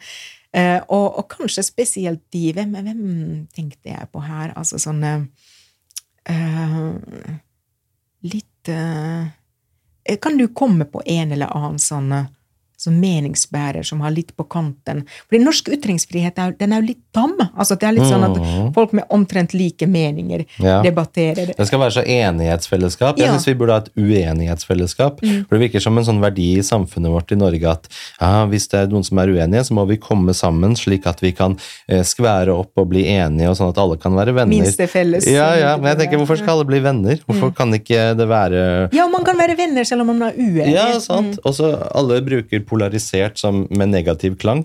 Og si at å, mm. samfunnet er så polarisert. Ja, men så bra, da. Vi må mm. ha de ekstreme ytterpunktene også. Vi må mm. ha hele spekteret. Mm. Vi kan ikke ha en sånn tendens til at alle må søke til midten og mm. være helt like. Jo, nå kan jeg komme på en eh, altså han um, fordi jeg syntes det var så bra uten at jeg helt vet om jeg er enig i det, men han Ola Svennebu kom jo med det der innvandringsstopp. Mm. Altså, det var så modig. Ja, at Tenk at noen tør. At jeg var så mm. Fy faen, så bra. Jeg sendte en melding til ham. Dette var bra. Eller jeg til og med snappet eller mm. liksom på Instastoryen min at dette er bra. Mm. Og det er ikke nødvendigvis fordi altså, Meningen jeg, i seg selv, liksom? Mm. Nei, nei, og kan hende at jeg er enig, men det er jo ikke altså, Jeg har bare ikke satt meg nok inn i det. Men altså, det å være mm. modig og tørre å si hva man ja, vil. Ja, og, og mm. så upopulært standpunkt ja. hvor alle på en måte vil, Nordmenn elsker å profilere seg som snille og gode, ja, og de snille og gode vil jo ikke stoppe innvandring. Um, så det var så fint. Og så gjør han det sånn eh, litt sånn som du hadde med han Simen Sandlien. Mm. Jeg tror du hadde den presentasjonen, snakke liksom om høyrepolitikk med innestemme. Mm. Eller eller at folk som har um, upopulære, eller kanskje litt sånn på kanten meninger, mm. men som likevel forklarer, står for de meningene de har, det er jo så vakkert. Altså, ja, det ser jeg også. Mm. Og jeg tenker vi må, Det som er en, en fare for ytringsfriheten, er nettopp denne kanselleringskulturen. Mm. Har du fått kjenne noe på den, eller er det folk som forsøker å kansellere deg for at du snakker høyt og, om ting? Og, eller er det, um, merker du noe til den typen ukultur? Jeg tror altså at um, jeg mener jo at det er Hvis vi nå går ut fra at min hypotese om at jeg ikke får eh, jobb på Lillehammer pga. meningene hvis, mm. hvis, vi aksepterer den som, eh, som grunnleggende premiss, mm. så er jeg jo kansellert. Mm. Jeg er jo yrkesmessig kansellert på mm. Lillehammer og i Gudbrandsdalen. Mm. Altså at med mine meninger får man ikke jobb på Lillehammer. Yeah. Og det er jo den kraftigste kanselleringen, tenker jeg. Mm. Fordi det er eh, yrkesnekt eh, for meg. Altså at det er jo sånn det betyr for meg at eh, jeg skal snart liksom Fordi jeg på et tidspunkt så blir jeg jo altså at Nå har jeg pendlet til Hamar i tre år. Jeg har Mm. fått de store ungene litt større. Mm. Jeg er egentlig flytteklar nå. Jeg er bare nødt til å begynne å søke jobber uh, andre steder. Altså Mm. jeg må komme meg Eller enten flytte til Hamar da. Ja. Men, eh, men liksom jeg håper jo at, at jeg ikke lenge, at må leve på Lillehammer så veldig mye lenger. Mm. Uh, I og med at jeg føler meg kansellert Mm. yrkesmessig. Så det er jo det er liksom min eh, Den største måten jeg er blitt kansellert. Eh, og, og jeg hadde jo liksom Før jeg fikk den jobben på Hamar, så var jeg jo arbeidsledig i ti måneder på Ja. Lillehammer. liksom søkte Søkte egentlig alt mulig, ble aldri innkalt på intervjuer. Eh, alle intervjuene jeg hadde under de ti månedene helt på slutten, var på Hamar. Fire intervjuer på Hamar, fikk to av de jobbene. Så det er bare, bare jeg kom liksom én time nærmere Oslo, altså én time vekk fra Gudbrandsdalen, så begynte jeg å få innkallinger til arbeidsintervjuer. det er interessant. Mhm. Men sånn um, Om jeg er blitt Jo, jeg husker én sånn debatt som ble avlyst, men jeg vet ikke om det var jeg, Det var sånn Høyres debatt om eh, eggdonasjon, fordi jeg er jo jeg er både eggdonor og mottaker. Mm. Eh, og Høyre var jo mot eh, eggdonasjon. Og der avlyste de debatten, men jeg vet jo ikke om det var liksom, om jeg ble kansellert, Ja, sånn, i og med at jeg er jo for donasjon, og jeg er Mm. for mottak. Jeg har jo jeg har til og med laget et barn med egg, eggdonasjon, og så har jeg liksom laget andre, barn til andre Ah, med ja. mine egg. så jeg er liksom sånn egg her og der. Mm. Men det det er en debatt som jeg husker ble avlyst. Og så var det jo sist, sånn som jeg sa til deg, at, um, at du har sikkert invitert meg for å få litt sånn uh, blest rundt podkasten din. Siden det havner på forsida di i nettaviser Ja. når jeg er på en podkast og tenker med en åpen munn. Altså, det var litt morsomt da jeg var sist gang nå var hos Wolfgang V. Det var helt i Ja, det var i mai. ja. Uh, uh, og da sa jeg jo dette om Tonje Brenna, som gikk Mm. viralt. Uh, Hva var det du sa om henne for noe? kan jeg nå si det igjen, eller blir det Jeg sa, jeg sa sikkert at at dette var, altså, det var jo sånn fire timers Ja. podkast, sånn som det er hos Wolfgang. Og, og jeg var jo Jeg hadde ikke drukket noen ting, Nei, nei. altså bare så det er sagt, mm. at. Wolfgang har jo full, fullt barskap, men Mm. jeg bare det er liksom, Putter du penger i meg, så snakker jeg. Så vi hadde jo en sånn lang eh, Snakket om skole og skolepolitikk. Og så sa jeg liksom litt sånn eh, altså litt sånn eplekjekt at, eh, at vi har liksom en utdanningsminister, at den eneste kvalifikasjonen hun har, er at hun har eh, bestått videregående og overlevd Utøya. Og, og det var jo dette som jeg ikke skulle sagt, Mm. som jeg liksom beklaget med en gang. At, eh, at liksom at legger meg helt flat. Det var liksom ikke meningen å harselere med, med Utøya eller Utøya-erfaring eller noe sånt. Mm. Eh, og det er, men der fikk jeg kjenne på liksom ytringsfrihetens grense. For jeg hadde ikke Ja. tenkt Jeg tenkte overhodet ikke der og da at jeg Mm. sier noe eh, som, som kunne tolkes feil, eller som kunne tas Mm. feil, eller som kunne liksom såre noen. Eh, og ikke etterpå. altså Det tok jo sikkert to uker før den podkasten kom ut. Eh, og med en gang liksom det, eh, han fra miljøet, han Eivind eller Trædal, han, Mm. da han liksom klippte det, så bare gikk jeg inn og liksom beklaget. Nei, nei, liksom, altså Det siste jeg ønsker, er jo å liksom skape noe smerte hos dem som har Mm. mistet Mm. noen uh, på Utøya. Uh, men, uh, men det var jo litt så morsomt, fordi eh, eh, Wolfgang måtte ta ned den episoden Oi. akkurat den dagen. Fordi, og det var jo, han var jo liksom lykkelig uvitende om dette. Han tok den episoden ned fordi han ikke hadde redigert vekk da hans barn ringte til ham. Så han var i telefon med ungene sine i den episoden. Men dette sammenfalt jo med den der eh, eh, at jeg var på VG1 og Nettavisen og Dagbladet Ja, ja, ja, ja, ja, og liksom beklaget og beklaget. Nei, nei, ikke, ikke meningen å si det. Jeg trodde det. var derfor, ja. Ja, så Mm. alle var liksom uh, ble bombardert liksom. med at, at han liksom at, og, spesielt han kansellerer jo ingen. At er det nå liksom at, at, Ja, ja. Sanna, Sanna Mm. faktisk kansellert. Og jeg tenkte også at fy faen, var dette nå slutten på min, på min var karrieren. mitt virke som Ja, ja, meningsbærer? Ja, ja, nå liksom har det Offisielt cancelled. Ja. Å, ja, nei, Ja, men Det er litt grunnen til at jeg inviterer deg, fordi jeg liker folk som nettopp bruker ytringsfriheten, som Mm. tør å tenke selv. Og det er det jeg tenker med denne podkasten her også, så er hovedmålet mitt her er å ha mer sannhet, flere nyanser, Mm. og prøve å søpe, søke dypere innsikt. Da. Og da liker jeg folk som ikke bare snakker fra et manus og politisk korrekte ting, men Mm. som faktisk er et selvstendig individ som tør å tenke selv, tør å, å tenke høyt på Mm. stående fot der og da, uten å liksom ha safe svar, uten å ha liksom spørsmålene sendt til deg på forhånd. Jeg har jo ikke sendt noen spørsmål til deg på forhånd. Alt sammen er bare her og nå. Der og da. Og jeg tenker at vi må, vi må ha et sånt samfunn hvor det fortsatt er lov. Ja. Og at vi ikke går i den retningen, sånn som vi ser nå, at man skal ha sensitivitetslesere som leser Torbjørn Egner og bøker. Man skal gå gjennom gamle sang sangtekster og kansellere artister som man ikke er enig i, i sangtekstene til. og eh, Sanger må spilles inn på nytt. Jeg hørte, Det var en sånn reaksjon mot Karpe, at de måtte spille inn noen låter på nytt fordi noen kunne tolke dem som, eh, som krenkende, og da burde de spille Det må være sånn, Hvilken vei er det samfunnet er på vei, da? Hvis alt skal være så tolkes så ordrett og tolkes så bokstavelig at man kan ikke ha noe humor lenger. Alt må være sånn perfekt. da, At vi, vi lever i et sånt snevrere og snevrere samfunn hvor, hvor det ikke er lov å avvike. Alt Det blir så polert. Ja. Og det er jo, um, og derfor, uh, på godt og vondt, altså jeg elsker jo podkast som medium, nettopp fordi man kan tenke sammen, eh, og man kan tenke med en åpen munn. Og derfor er det så innmari viktig altså at, at man tar det også for det det er. Altså at dette er en podkast. Altså at hvis jeg nå sier noe som er dumt, eller noe som er litt feil altså at jeg, jeg skulle ønske at den Altså at Jeg tar jo gjerne korreksjoner når det gjelder min egen tenkning, og, men at, at, det ikke, at det blir litt sånn at Ja, men tenker du ikke Altså at man tar den litt den dilematiske eh, At man ikke er ute etter å ta meg. Nei, eh, liksom med en Ute etter gang. Mm. ideene. Fordi det som, det som skremte meg også med den um, Altså, det rakk jo Det gikk jo ikke veldig lenge før jeg liksom beklaget, og, og liksom det ble helt stille, men kanskje den, den halve timen eller én timen det var ute før jeg beklaget og liksom fikk uh, lagt lokk. Fordi jeg mener jo også at når du, når du sier at 'unnskyld, det var ikke ment sånn', og 'jeg beklager, og dette skal jeg ikke si igjen', uh, da må man jo også stoppe med, den der, mm. med de negative tilbakemeldingene. Men jeg rakk jo liksom å få vet du, sånne hvor folk um, Folk liksom tenker at jeg er ABB, eller liksom veldig stygge meldinger.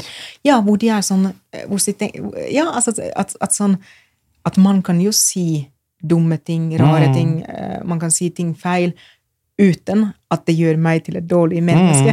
Altså at, og alle gjør jo feil, alle sier feil. Og spesielt podkast, som er et medium hvor du sitter her i studio og ja, spekulerer og tenker. ja, flere timer i strekk. Og, Ja. det, og det er jo så, akkurat sånn som du sier, vi trenger mer av dette. fordi jeg husker, Det som irriterte meg aller mest med Hadia Tajik, var jo at alt hun sa det var så jævla polert. Ja, altså Ingen robot. personlighet. Ja, Mm. ja, At du har lært fordi du er sosialisert gjennom AUF og Arbeiderpartiet. Ja. Og det er sånne politikere Arbeiderpartiet lager. Mm. ja. Altså Folk som sier de riktige tingene. Eh, og, og det er fordi Kostnaden av å ikke si de riktige tingene, den er blitt så høy. Fordi da kommer jo disse som tar deg. Eh, eh, og om det skulle vært mer rom for å liksom feile litt, også for toppolitikere.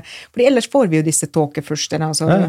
Som, som sier det liksom Og det er sånn Det er mange politikere og Det er også noen meningsbærere som jeg ikke orker å Uh, Som jeg syns bare at Du sier bare de riktige tingene. Liksom, Jeg syns man merker med en gang om en person tenker der og da, eller om de leser opp fra et manus i Ja. hodet sitt. Ja. Man merker det med en gang.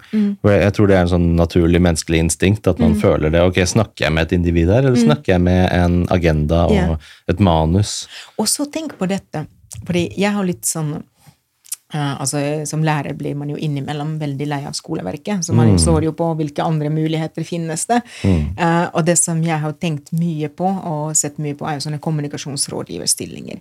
Men jeg sitter alltid med en følelse at fy faen, for en uærlig jobb. Eh, altså at, uh, fordi det er, litt, det er jo kommunikasjonsrådgivere som har ført oss dit. Ja, eller det er jo liksom, det er jo de som tjener på dette, at politikere skal bare si de riktige tingene.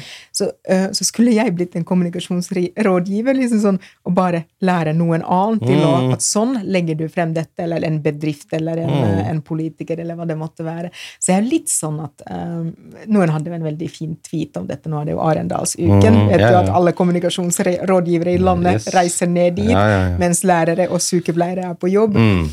Mm. Eh, så, så, ja, så det er sånn eh, dette, du, dette er sånn tips til fremtidige podkaster. Du må finne en eller annen som kan liksom harselere litt, med, med kommunikasjonsrådgivere. Ja. Hva slags samfunn vi har fått med kommunikasjonsrådgivere. Det er spennende. Mm. Fordi jeg tenker at vi må ha et mer sånn samfunn Jeg, jeg tror det hadde vært så forfriskende med en, med en rikspolitiker, en toppolitiker, som bare sier akkurat det han eller hun mener, Mm. Ja, ja. uten å liksom si de korrekte Ja, tingene som står i partiprogrammet. Og så faktisk kan si ja, vet du hva, du er enig i det, jeg er enig i det du sier der, jeg man skal kanskje, endre på ting. kanskje fortrinnsvis forholde seg til partiprogrammet. Jo, jo. Men det er så mange måter å si ting på. Ja, og så Eh, avvike fra det. mm. Så, så det er litt sånn at vi mister jo personlighet og, det, vi, og dette, altså, Vi mister personligheten i politikken, men Ja. vi mister jo personlighetene også i klasserommet. Ja. Fordi dette er jo litt sånn um, uh, Altså at um, Jeg tror jeg må ta uh, Jeg har en, en veldig god kollega, en eldre og mer erfaren lærer, som sa at, eh, at hun startet med sine åttendeklassinger at, at vi kommer til å misforstå hverandre, og dere vil kanskje oppleve meg som streng, men prøv liksom å ta det uh, godt mot, eller liksom at prøv å liksom, tolke meg i beste mening. Jeg tenkte at jeg skal si dette til mine åttendeklassinger når de starter, at liksom prøv å tolke meg i beste mening, at jeg liksom ikke er ute etter å ta dere, men jeg kan oppleves, oppfattes sikkert som litt streng, kanskje litt som fordi jeg har en finsk aksent, kanskje litt sånn kald, um, altså ikke vet jeg, men, men altså dette at uh, vi mister også de personlighetene i klasserommet, altså nå går dette til den der paragraf 9a i og med at jeg har lest den der Clemens-språken, og altså at elever som opplever en lærer som krenkende, Eh, og hvis jeg tenker tilbake i tid, altså da jeg gikk på skolen, alle de personlighetene lærerne var, eh, og nå ønsker vi egentlig litt sånn, litt sånn robotaktig Ja, ja. eh, Eller hva er det? Eh, Hvor er trykket? Fordi nå har min nåværende kjæreste prøvd å lære meg å uttale ordet Robot. robot. Ja, for det, det trykket er jo på begge stavelsene. Robot. Robot. ja. ja, fordi dette er litt så morsomt. Nordmenn er så høflige, så de retter aldri. Nei, jeg vet. Eh, ja, så det er liksom, vet du, jeg som har akkurat ga ut en bok om psykisk vold. Jeg har jo alle, ord, alle årene snakket om at jeg skriver en bok om psykisk Ja, ja, vold, ja, ja. eller at jeg går til psykolog. Ja, Men jeg er psykisk vold og psykolog, men ingen har noensinne rettet meg, fordi nordmenn bare sier Ja. 'Å, du snakker så bra norsk! Ja, ja. Å, så flink vet, du er!' Så dette er liksom som baksiden av medaljen. Ja, ja, du får hele tiden vite hvor flink du er, enda du er Mm, ræva. ja, ja. Så bare den flauheten at 'Å, at det er psykisk, at det er Ja, ja, ja. psykolog' og Ja, for i Sverige er det det psykisk. Da sier de jo det det? pen. Ja, Jeg tror okay, de gjør det i sikkert, ja. Sverige. Ja, ja, det har sikkert påvirket Mm. skolesvensken der. Ja, yes. Mhm. Men robot. Ja. Så jeg er, um, jeg er redd for at i klasserommene altså at uh, Når dette her krenkelseshysteriet Mm. 9A går videre altså Ja. at Det er bare én type lærere Ja. som ungene tåler, og det er de robotene. Mm. Ble det riktig uttale nå? Mm. Robot. Robot, robot. Ja. Men da blir jo elevene roboter også. Da blir jo alle sammen roboter. Ja, og hva mister vi? Altså, hva mister vi som Mister samfunn? menneskeligheten. Ja, når politikerne er polerte, lærerne er polert. Mm. altså Selvsagt skal man være snill og høflig, operere med respekt i klasserommet, Ja. men jeg tenker at minst, mitt største S som lærer er jo nettopp at jeg, de, får hele meg, Mm. altså på godt og vondt. Altså at, eh, at, eh, at jeg gir av meg selv, av alle sidene jeg har.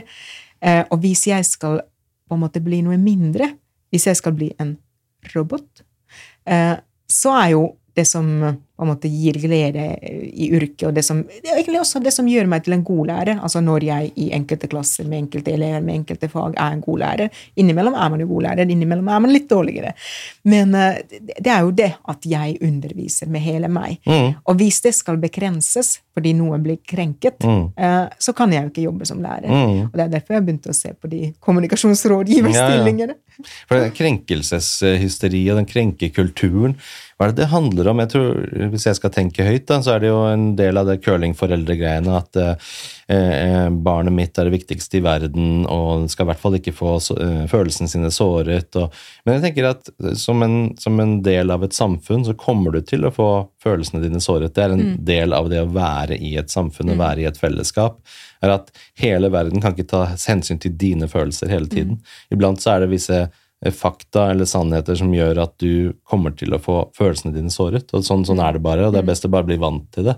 Eh, og jeg tenker at ikke bare i klasser, men også i samfunnet ellers, så er det jo den krenkekulturen hvor det handler om nesten å gå sånn går nesten sport i, og hvem blir krenket i dag, på en måte. Hvem, eh, Subjekt hadde jo en artikkel her om dagen skrevet av han Adam Njå, som jeg også har hatt på podkasten her, som skrev med har, eh, Overskriften var 'Har du husket å bli krenket i dag?' Og så hadde han sånn ti måter å bli krenket på i dag. Dette skal du se etter. Sjekk yeah. om du har blitt krenket. Husker du noen av de Ja, hva var det han sa for noe? Det var liksom sånn Nei, jeg husker ikke konkret, men det var liksom det Det handler sånn om å lete etter det på en måte selv. Oppsøke det selv. Og lete etter hvordan kan jeg føle meg krenket. For det er jo litt sånn eh, For meg er det nesten umulig å bli fornærmet eller krenket av noe som folk jeg ikke kjenner, sier. Altså at hvis det er noen som hvis det er noen som sier i offentlig debatt Hvis noen hadde liksom sagt noe, et eller annet om meg, Mm. eller det, en person som jeg ikke kjenner, altså liksom hadde disset meg skikkelig. Så jeg, bare, ja, jeg hadde registrert det, men det hadde liksom ikke gått inn på meg. Nei, nei. Det er jo de nærmeste. Det er jo liksom dem som jeg elsker, som kan såre meg og krenke meg. Ja, ja. Eh, Men ingen, ingen utenfor den eh, nærmeste kretsen. Så det er litt sånn eh, Og det, Der syns jeg det blir vanskelig med ytringsfriheten i Norge. For tidligere så har jo ytringsfriheten på en måte vært absolutt, bortsett fra sånn trusler om vold og, øh, øh, og sånt noe. Og men før det så hadde vi også blasfemiparagrafen, men den ble jo borte. sånn at den har egentlig vært absolutt bortsett fra det. Men nå kommer jo også den hatkriminalitet, ikke sant, hatprat. Det syns jeg er problematisk hvis folk skal eh, subjektivt oppleve noe som krenkende og hatkriminalitet, og da skal legge lokk på hva andre kan si, basert på sin subjektive opplevelse, så blir det jo veldig innskrenking av, av ytringsfriheten i samfunnet. Da. For da kan hvem som helst si ja, ja, men jeg føler meg krenket av det, så da kan ikke du si noe. Hva tenker du rundt den balansegangen mellom hatprat og ytringsfriheten? Altså, dette er jo veldig vanskelig. Altså, det er jo sånn, man har jo en dom også, ikke sant? Sånn, det var en som hadde skrevet et leserinnlegg om en same, eh, hvor det gikk liksom over til hatprat. Um, og det, det er eh, Her skulle du nesten hatt en jurist til, å, til å drøfte dette. Altså at, um, Jeg skal ha det senere Ja, men det er også ja. interessant bare hva du tenker sånn personlig, uten at det er faglig. Ja, altså at eh, jeg har noen sånne um, refleksjoner som, eh, som kan være interessante. Altså at Mm. um, jeg har en ja, jeg har en eksmann som datet veldig kort en sånn samisk dame.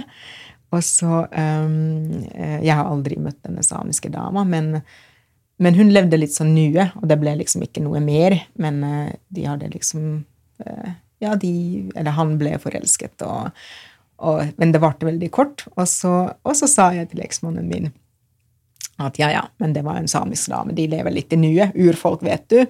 Eh, og, så, eh, og så sa jeg det samme til, til en venninne av meg som kjenner oss begge, både meg og eksmannen, og hun ble så liksom så hun ble så fornærmet eller sånn krenket på vegne av at du kan ikke si sånn om samer. Og jeg bare Oi, kan jeg ikke det? Liksom, jeg, jeg visste ikke det. Eller sånn eh, eh, Jeg sa det litt sånn humoristisk, at urfolk lever i nuet. At er det sol, eller er det måne? Ja, ja. og, så, og så tenker jeg litt sånn at um, Og så sa jeg liksom at dette er veldig interessant. at uh, Jeg får jo ofte høre vet du, stereotypier knyttet til finner, eh, og uten at Uten at noen på en måte går ut fra Eller det er ingen som blir krenket på vegne av meg eller på vegne av finnene. Eh, og, det er, og det er mye verre ting enn urfolk å leve i nuet, som jeg får høre som hva, finne. hva slags ting får du høre? Nei, altså det er sånn finnere, du vet jo, finner bare De sier ingenting, de bare banner, har sex i badstue og bare badstue og drikker. Altså det er jo sånn eh, Mm, masse fordommer, ja. ja, ja, ja. Og det, ingen av de fordommene er jo De stereotypiene er noe vakre. Altså det er jo helt eh, Det er jo Ja, ja. rølpefolk. Ja. uh, og, så, og dette får jeg liksom Folk refererer alltid til finsk fjernsynsteater som de har sett på TV på 70-tallet, som jeg aldri har sett. eh, hvor finnere bare er nakne og drikker og banner og har sex i badstua. Men er det sant? Er det det dere gjør, finnene? Man har i hvert fall ikke sex i badstue, for det er så klamt. Ja. Altså, det er jo ikke noen glid. Hvis du, du kan bare prøve, eller, eller Ja, ja. trenger ikke å prøve, bare tro meg. Bortsett fra det, så er det riktig. ja, det er akkurat sånn vi er. Men, men det er sånn, tenk om jeg skulle blitt liksom krenket, eller liksom ja, skulle. Men jeg tror forklaringen ligger i at, at vi har jo sånn offerhierarki. Ja, jeg vet. Altså at, Interseksjonalismen. Ja, og, Mm. og, og, og samene som er jo de facto blitt undertrykt, Mm. da skal man være liksom mye mer forsiktig med tulle. Mm. Tulle med samene eller tulle med ur- urfolk. Altså de blir liksom sånn, Man lager en sånn beskyttende boble Ja, rundt dem, mens jeg tenker kanskje at, um, at de hadde jo hatt kanskje godt av liksom sånn uh, er ikke, altså Det er jo ingen same som har Jeg, har en, jeg kjenner jo en same som jeg liksom jeg sendte sånn spørsmål til henne at ja, er det sånn at dere som er urfolk, at dere lever mer i nye, nye Ja, ja. Eh, altså at um, Nå er det ingen av disse samene som Jeg har ikke skrevet dette offentlig, det var bare i samtale med eksmannen og ja. med felles venninne. Og nå, da. Ja, ja, ja, nå, ja, ja, men hvor mange lyttere har du? Ja, det, det, ja, men, men det blir mange etter hvert. Kanskje dette er den som Eivind Trædal Ja, ja, ja. Urfolk, vi Ja. lever i nuet, vet du. Ja, ja, ja. ikke sats på dem på Mm. Tinder, altså. Hold deg unna samene på Tinder. Nei da. Nei, så, så det er bare dette at, uh, at jeg, jeg tror liksom forklaringen ligger i offerhierarkiet. At vi skal, være, vi skal lage en beskyttende boble blant dem som Mm. er blitt undertrykt. Mens finner er jo aldri blitt undertrykt av nordmenn, Mhm. så derfor kan man liksom tulle. Eh, tulle med oss og liksom Ja. komme med stereotypier. også. Man tenker at vi kan svare med samme mynt, men egentlig samer kan jo det òg. Ja. Så, så, og dette er jo en interessant Nå, nå snakker jeg eller tenker med en åpen munn. altså det, sånn, for jeg tenker jo litt sånn, Dette er jo litt sånn parallell til ytringsfrihet. at Jeg tenker at humor skal være grenseløst. altså At det skal, at humor, det er jo liksom humorens kraft. Eh, men så er det jo sånne grupper som man kanskje beskytter. altså at Du kan jo ikke ha vitser om svarte mennesker, Mm. eller det er bare de svarte menneskene selv som kan ha de vitsene. Mm. Og da lager man jo en beskyttende boble eh, blant eller for så vidt, og, og jeg kan jo, og, og som sagt, jeg nå understreker igjen, jeg tenker med en åpen munn. Jeg kan kanskje forstå at man lager en beskyttende boble når det gjelder altså at jeg synes jo ikke, altså Pedofilvitser er jo helt jævlige. Altså At man skal lage en beskyttende boble rundt barn eh, som ikke kan svare med samme mynt. Og kanskje med funksjonshemmede, altså som er kognitivt funksjonshemmede, fordi de kan ikke svare med samme mynt. Men de som kan, altså sånn som finner, samer altså at, um, Jeg husker på 80-tallet, da, da det ble liksom klart i Finland at, eh, at nordmenn hadde finske vitser. Så laget man jo en sånn nasjonal vitsekonkurranse, at man skal liksom lage vitser om nordmenn. Og det ble jo en bok, 'Vitser om nordmenn', i Finland. Så man på en måte svarte med samme mynt. Nå er det jo selvsagt altså Et forbehold jeg skal ta, er jo at um, samene kan jo helt sikkert oppleve at kanskje humor i vitsene opprettholder de stereotypiene, altså at, at, at det er den undertrykkelsen fortsetter i kraft av de vitsene, eller eh, at, at det er sånne dimensjoner som du må diskutere med en same, som jeg ikke klarer å se for meg. Mm. Men, um, men, men generelt, liksom, jeg liker jo sånn grenseløs humor. Ja, det er det humor er. ikke sant? Det det, for å få frihet fra hverdagen, så har man humor. Mm. Når folk er syke, så hjelper det å overleve med galgenhumor. Mm. Fordi du, du får, Det er en sånn transcendental ting. Det er, hverdagen ligger her, og så har du noe som kan løfte, Løfte deg, deg ut. ja. ikke sant? Ja, det. Mm. hvis humoren skal tas bokstavelig hele tiden, som om du mener det bokstavelig, så har vi jo ikke noe humor lenger. Nei, nei, nei. Og, da, og spesielt da, hvis du begynner der, kan ikke tulle med samer, kan ikke tulle med indianere, kan Mm. ikke tulle med Så blir det sånn masse ekskludering, og da blir det motsatt av humor. Den burde jo inkludere alle sammen. Mm. Og det er sånn, indianere, apropos det, det er ikke lov til å ha barnefester lenger, bursdagsfester hvor folk kler seg ut som indianere, for det er jo å tråkke på urfolk i USA, ikke sant. Og det er, det er masse, sånne, masse nye regler, politisk korrekte regler. Men gjelder det i Norge òg? ja, ja, det er blitt sånn at nei, jeg kan ikke ha bursdagsfest hvor jeg kler seg ut Ja, nå skal jeg faen meg kle min sønn altså når det er karneval i barna. Ja, ja. Da skal han komme som Indianer. Ja. Nei, same! Ja, Same! same. Og indianer som masse barn.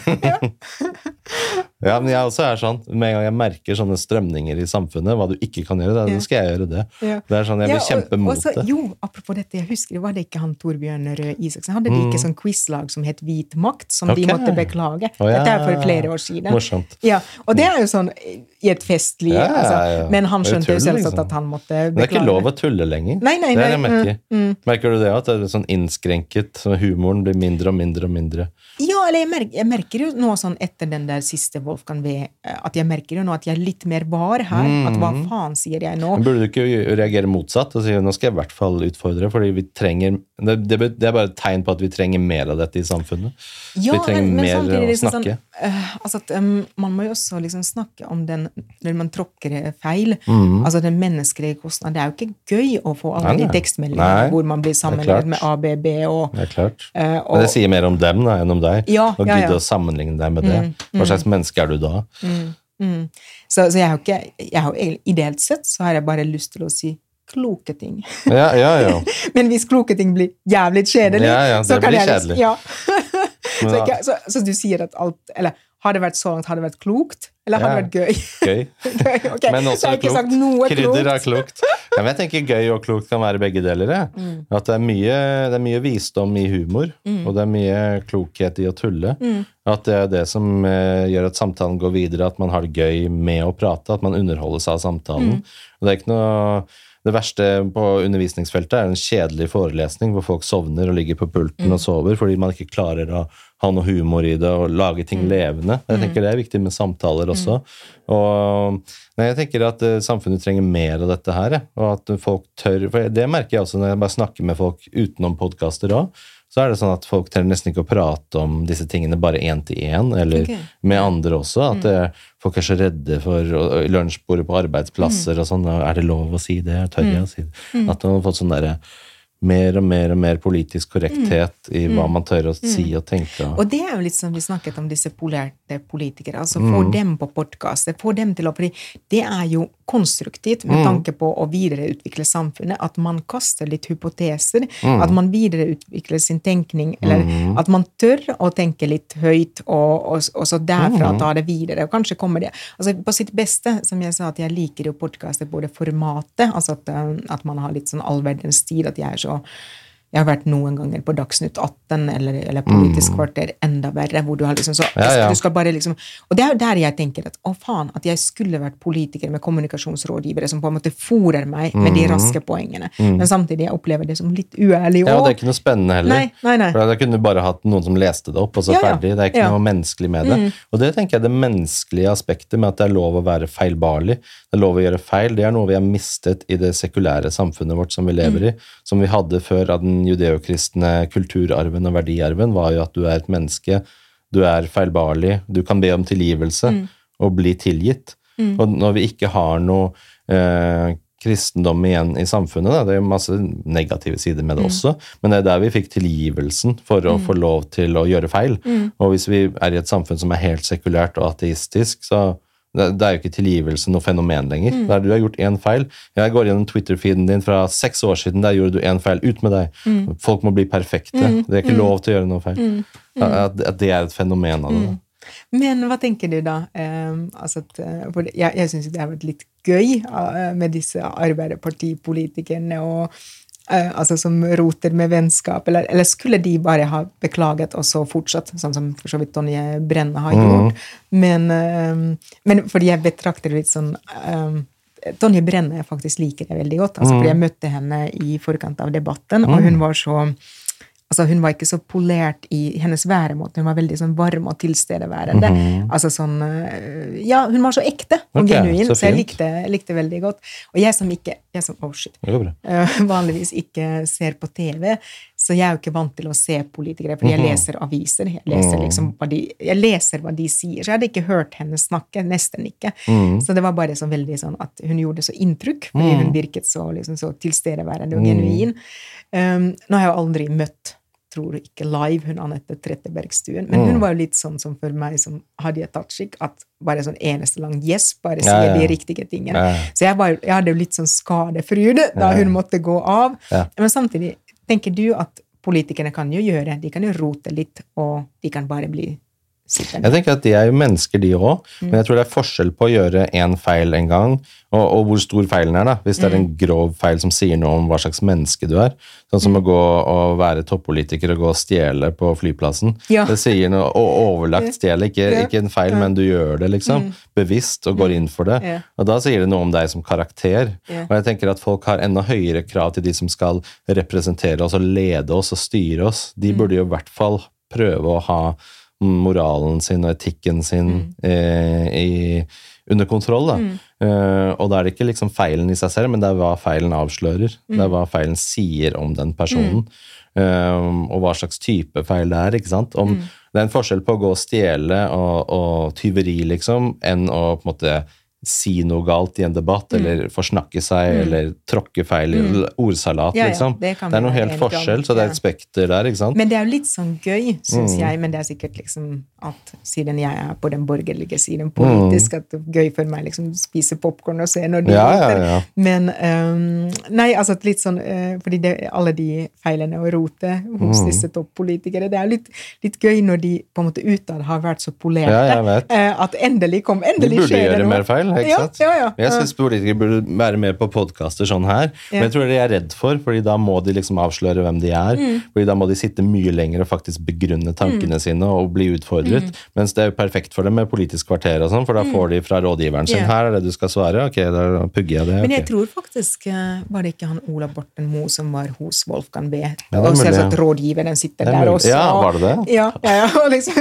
gir sikkert deg dette kan du Rødt ikke si. Ja. Så, og så etterpå, dette må vi klippe. Klipp, klipp, ja. klipp. men du må bare, eh, du som er Fordi du har startet ganske nylig. Ja, nylig, ja. ja. Bare start på toppen. Altså Ja. Bare sende Men jeg spurte Erna. Ja, Jeg ja, spurte om hun ville komme. ja. Eh, Rådgiveren sa nei.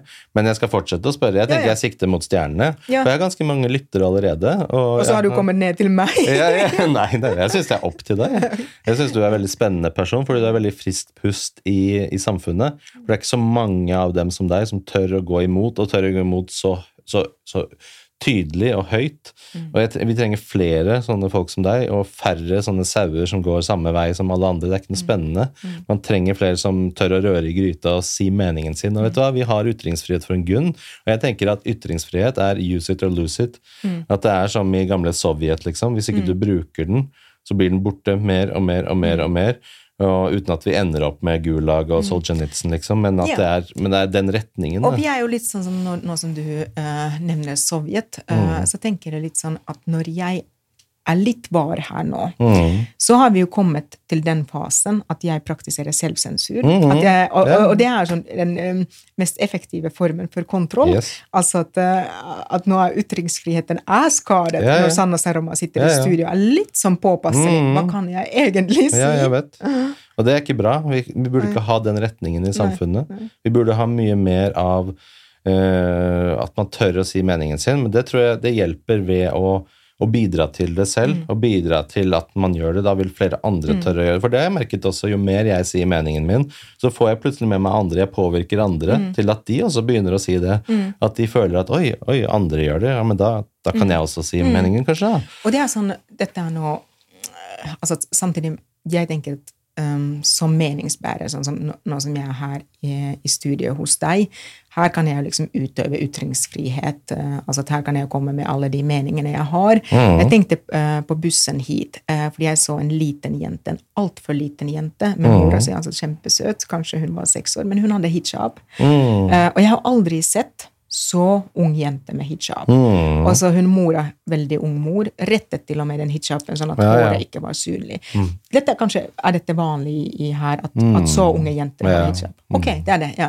Nei, fordi jeg husker sånn um, ja, For meg var det helt sånn Jeg liksom måtte liksom skjerpe meg for ikke å stirre. Fordi jeg var jo litt sånn altså, altså, en liten jente kan jo ønske å ha en hijab bare fordi mamma også har en. altså Man har lyst til å se lik ut. Men, eh, men i og med at hun rettet hennes hijabbruk, så tror jeg at den unge jenten har hijab liksom, når de er ute Ja, ja. i samfunnet. Eh, og, og jeg husker jo sånn eh, jeg, jeg bare ble litt sånn trist. Altså, eller at, at oi, begynner det så tidlig her? Fordi jeg husker jo sånn da mine store barn gikk på barneskolen, og kanskje det var sånn rundt fjerde klasse, at, eh, at de um, muslimske jentene begynte å bære hijab. Og dette er en sånn mening um, som jeg har som meningsbærer, altså at, eh, at jeg er mot hijab-bruk blant barn, egentlig også hos voksne kvinner, men det er jo ikke jeg som bestemmer om noen liksom, velger å ta hijab. Jeg, jeg sier at det er jo egentlig ikke et valg, altså at, det, at det er en struktur, patriarkatet, som, det, som sier at du skal ha, eh, ha hijab. Og jeg kunne tenke meg en, at skolen var sekulær, sånn som Ja. i Frankrike. At man ikke fikk ha noen religiøse symboler. Og det er jo mine meninger som jeg kan stå for her. Ja. Men jeg, jeg går aldri inn i klasserommet i og med at jeg alltid har elever, altså muslimske elever. Så jeg vil, uh, og spesielt sånn eh, unge jenter, ungdomsskolejenter, jeg vil jo um, altså at de som kanskje ikke ennå greier å skille, altså at meninger i samfunnet, meninger i klasserommet, Mm. lærere, at hva vi gjør i klasserommet. Så jeg hadde aldri liksom tatt opp dette som en diskusjon. Altså der er Nei, jeg nei. liksom berøringsangst, Ja, ja. For jeg vil ikke at de skal føle seg på noen måte mindre verdt Nei, nei. eller feil sammenlignet med, med Ja, fordi det er barn, ikke sant? Ja, det er annerledes. ja. Så, så jeg liksom, sånn hijab-diskusjon tar jeg aldri i klasserommet. Nei, nei, nei. Ja, men det skjønner jeg. Det er noe annet å snakke med voksne om det i det offentlige ordskiftet, og det å snakke med når det gjelder direkte barn, selvfølgelig. Det blir noe helt annet. Men når vi er inne på dette med patriarkatet, systemet Jeg vil innom feminisme også. Jeg tenker starte med hva er, hva er feminisme for deg? Hva betyr det? Feminisme betyr jo likestilling. Mm. eller det, um, feminisme er jo den kampen eller den bevegelsen um, som gjør at vi skal oppnå likestilling. Så jeg ser liksom at um, Og likestilling Jeg er litt sånn 2000-tallsfeminist. Altså jeg snakker om femini eller feminisme og likestilling mellom menn og kvinner. Jeg er ikke så altfor um, altfor happy, altfor fornøyd med at uh, at man har det i siste årene liksom begynt å klemme inn liksom, funksjonshemmede Ja. og, eh, og folk med alle ulike etnisiteter og hudfarger. Mm. Det er viktig. at altså, Jeg tror jo på at ingen er fri før alle er fri, men jeg mener jo at, um, at, man har, at likestillingsbegrepet er blitt så vidt, så mener jeg at det har gått på bekostning av den gode, gamle likestilling mellom kjønnene, Mm. som jeg er mest opptatt av. Men det er jo ingen som tror at det fins kjønn lenger. Eller det er ikke lov å si. Det er ikke lov å si at det fins Kjønn er noe du velger. Ja, ja, alt er bare sånn. Ja, Hva tenker du om det? Kjønnsidentitet og alt det der. Og, og det er så morsomt spørsmål. Altså, jeg, jeg, nå drotler jeg litt bare fra Ja, ja. mitt eget liv, fordi jeg var jo veldig sånn jeg var, nå er jeg litt mer sånn forfallen feminist, men jeg var mye mer liksom sånn på-feminist da Mm. de store barna var små. Og jeg, eh, og jeg hadde tre. De tre første barna mine er veldig tette. Altså Mm. tre barn i løpet av to år. Og man har jo ikke Jeg skrev samtidig doktorgrad og var veldig liksom opptatt Eller Mm. både jeg og min daværende mann, altså eksmannen min, skrev doktorgrad. Så vi hadde jo også en, en karriere, eller noe jeg trodde ville bli en karriere. Det ble bare en karriere for ham. Han er jo professor nå. Jeg ble jo bare jeg ble en avdanket akademiker. Ja, ja. Eh, og, så, uh, og så disse ungene våre, altså så fort de bare kunne, så fikk de kle seg selv. Og det var jo ikke noe sånn at her er liksom Sylvis klær, som er jente, og her er liksom Rudolfs og Adolfs klær. Altså alle klærne var jo, de var jo omtrent like store, spesielt tvillingene. Så de mikset og trikset og fikset, og liksom, gjennom mange år så leverte gutter i barnehage med kjoler. Og så husker jeg Fordi de hadde valgt kjole selv, og jeg hadde aldri liksom sagt at, at du er gutt, du kan ikke Mm. bruke kjole. Eh, og så kunne jeg jo jeg kunne liksom tøyse og si, altså på, på, liksom Litt på alvor og litt på tull, at uh, jeg velger ikke ditt skjønn, at du velger selv. Ja, ja. Eh, og, eh, og sånn er det jo. altså I praksis velger man ut skjønn selv. Det er jo det man har full frihet til. Um, og så var jeg også så bevisst at jeg eh, Fordi jeg snakker finsk til barna mine, så jeg sa aldri at du er en flink gutt. altså Reipas poika. Poika er gutt. Eh, Jeg sa alltid lapsi, barn. Altså at jeg understrekte aldri kjønnet. Eh, og, og da var jeg liksom litt mer bevisst. Nå er det ikke lenger, nå er fjerdemann en gutt, så nå kaller jeg ham bare for poika, altså gutt hele tiden. Eh, men han har, han har også kjole nå, fordi vi var jo eh, vi var jo i Finland eh, nå i stad, altså for eh, litt over en uke siden, eller bare litt over en uke siden kom hjem fra det der hotelloppholdet. Eh, og eh, vi har jo en gammel au pair eh, som passet på de tre store. Hun er nå blitt en mann og har en har også, er sammen med en samboer med, en, eh, med en annen mann, som også tidligere kvinne og au. Men disse her gutta, eh, Jonathan og Samuel, de er blitt veldig nære og kjære for vår familie. Og de kjøpte jo en kjole til han minstemann. Og han minstemann ble jo så, han er to år, han ble så glad for kjolen sin. Og kjole er jo Jeg går jo her i kjole. Jeg går stort sett i kjole fordi det er så innmari praktisk og så luftig og fint. og Eh, Så, så han lille sønnen min på to ble så glad for sin første kjole. Og så tenkte jeg bare at fy faen at de, liksom, de store guttene de vokste opp med kjoler, og så får min toåring nå liksom sin første kjole. Men det er jo ikke noe at, eh, at de, de store guttene som nå er 18 og 16, at de fikk gå i barnehage i kjoler og velge selv.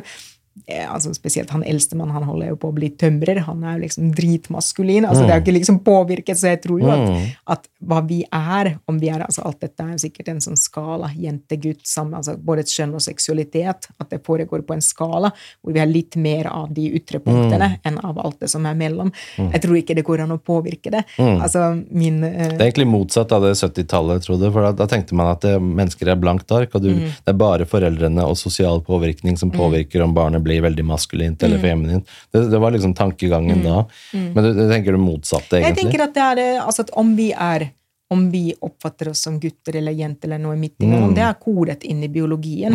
Eh, min kjæreste sa til meg, fordi min eh, dattera mi lakkerte Neglene? Ja, Ja. til han toåringen. Ja, du prøver å transe gutten. og jeg sa at jeg tror ikke det går an. At, at det er liksom sånn at, eh, at jeg tror liksom at Og jeg har jo alltid sagt litt på tull, at, eh, fordi jeg alltid ønsket meg eh, jenter. Jeg har alltid ønsket meg bare jenter, fordi jeg har en sånn idé om at jenter er mye enklere enn gutter. Eh, så jeg, jeg sier alltid til alle at jeg har oppdratt alle mine gutter som om de var jenter. Altså kledd dem i kjoler Ja, og enklere for deg. Ja, ja, jeg, har ikke gjort no, jeg har ikke gjort noen gutte- eller manneting med dem. Men de er jo blitt. Altså, sånn eh, altså, det er sånn mye som er hardkodet inn i genetikken, Ja. tenker jeg. Ja, ja. Mye biologisk. Men det er derfor jeg syns det er så rart i samfunnet nå. Det er ikke lov til å si at det finnes to biologiske kjønn, at det finnes biologisk mann og biologisk kvinne. Det Er det sånn- ikke lov å si det? Det virker sånn at eh, folk mister jo jobben og sånn for å si at det finnes to kjønn. At, eh, at det er liksom Jeg hadde jo han eh, professor i evolusjonsbiologi, han Glenn Peter Sætre her, og der snakket vi om det. og Han har en bok som kommer ut nå til høsten som heter To kjønn, hvor han forteller folk samfunnsopplysningen samfunnsopplysninger at det fins to kjønn biologisk sett. Mm.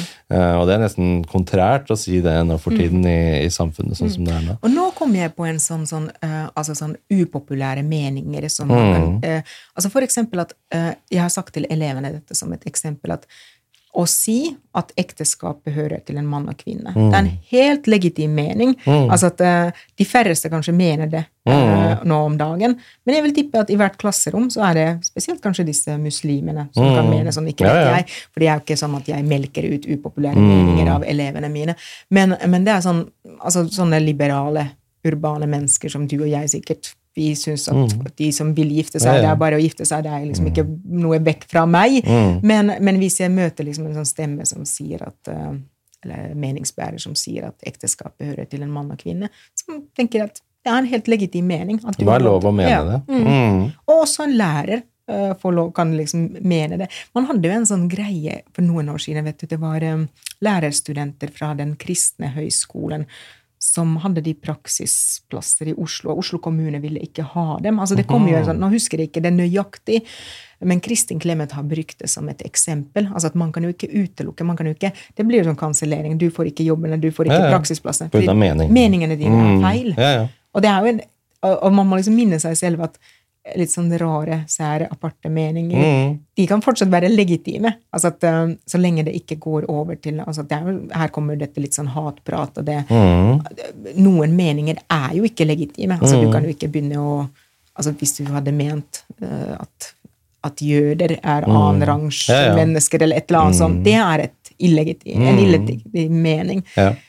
Eh, men, eh, mm, men det er mange liksom upopulære, smale meninger som Ja. fortsatt er legitime. Ja, og da tenker jeg at man burde i hvert fall hegne om å verne de meningene nettopp fordi de er eh, smale og, Mm. og små, og, og man må legge til rette i samfunn for at folk kan få lov til å mene ting som er kontrært, Mm. og som majoriteten, sånn at majoriteten ikke blir et tyranni. Da. Mm. At alle må mene det samme og gå én vei, men heller eh, verne om de små meningene Mm. som avviker. Eh, Men sånn i hverdagen så tenker jeg Nå hopper jeg veldig. mm, Eh, fordi jeg snakket jo, i og med at jeg var nå en natt på Lilleaker hos kjæresten min, at Og vi er jo ganske enige altså sånn, på sånn verdier og, uh, og sånne ting. At, uh, men de menneskene du eventuelt deler et parforhold eller et hjem og hus altså Det hjelper veldig å være ganske, liksom, ha ganske like verdier og like meninger.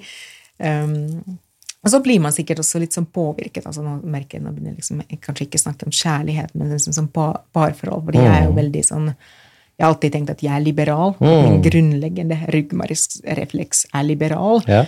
Um, og, Frihet. ja, og, men så kan jeg være veldig konservativ i mitt eget liv. altså at uh, Jeg har jo tenkt sånn uh, altså at Jeg er jo veldig sånn kjernefamiliemenneske, jeg ville gifte meg før jeg fikk barn. Ja. Og nå vil jeg gifte meg igjen, enda jeg neppe kommer til å få flere barn. altså Nå er jeg jo så gammel at det antakeligvis ikke går, selv om vi prøver. Eh, Han elsker å høre at vi prøver. Dette bare tull. Eller, eller vi har jo sex, Ja, ja. men, men i og med at jeg er 43, Ja, ja. så er det jo liksom sjansen Ja, er ikke akkurat store. Men um, uh, Jo, hva var det jeg skulle si? Hva snakket jeg om? Eh, liberal. og- Jo, jo, mm. jo, altså at, at i eget liv så kan jeg være litt sånn konservativ. For jeg tenker også at, uh, at jeg har lyst til å gifte meg, selv om liksom det en gang har gått i dass. Så har jeg liksom lyst til å være i et ekteskap. Altså at det gir en sånn trygghet, en ramme. Det er liksom en litt sånn borgerlig ramme for tilværelsen. Uh, og, og, så, og så har jeg tenkt Og han er jo kanskje sånn han er borgerlig også. kanskje, Han er mer konservativ. altså Han sier jo at han kaller seg konservativ, og jeg er liberal. Mm. Uh, og jeg tror liksom at i et langt samliv Nå har vi ikke vært i lag så lenge, men at man begynner å liksom bli, komme nærmere og nærmere den andres meninger. Mm. At kanskje jeg blir liksom mer og mer konservativ, og han blir mer og mer liberal. ikke vet jeg. Og så litt så morsomt når mine barn, de store barna, når de tar sånne valgautomater. altså Jeg har aldri liksom sånn mm, eksplisitt påvirket deres politiske meninger, men de får alle venstre.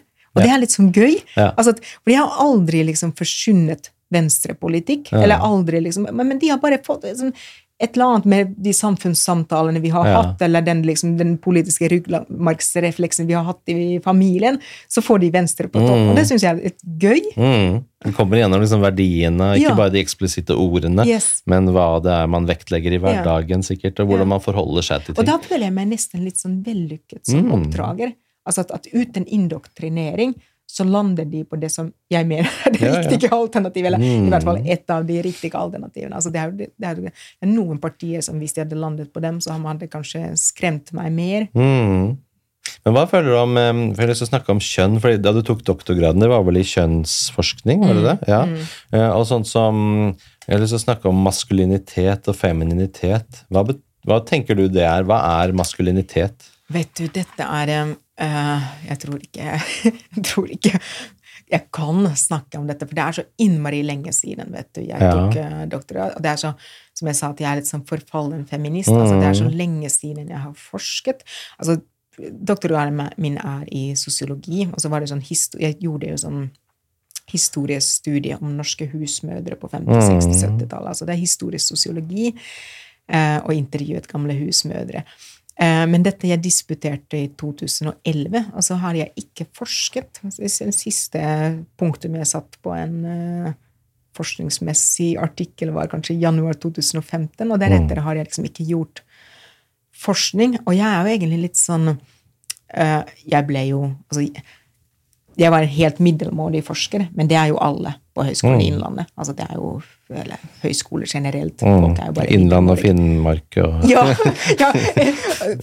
Generelt på høyskoler så er man middelmådig. På Høgskolen i Innlandet så er man kanskje enda mer Ja. middelmådig enn andre steder. Altså det er helt sånn um, Jeg likte ikke engang forskning veldig godt, fordi det var så jævla kjedelig. Men uansett, det er jo en, det er jo en ærlig sak. Ja. Men, men dette at, uh, at jeg, jeg, jeg, jeg tenker ikke så veldig mye på, uh, på skjønn, eller liksom jeg er ikke så Mm. Altså, jeg tenker fortsatt at jeg har en feministisk ryggmargsrefleks. Jeg tenker eh, at fe det å være feminist farger alt jeg gjør. Altså at jeg, er, jeg, vil, jeg ønsker å knuse patriarkatet.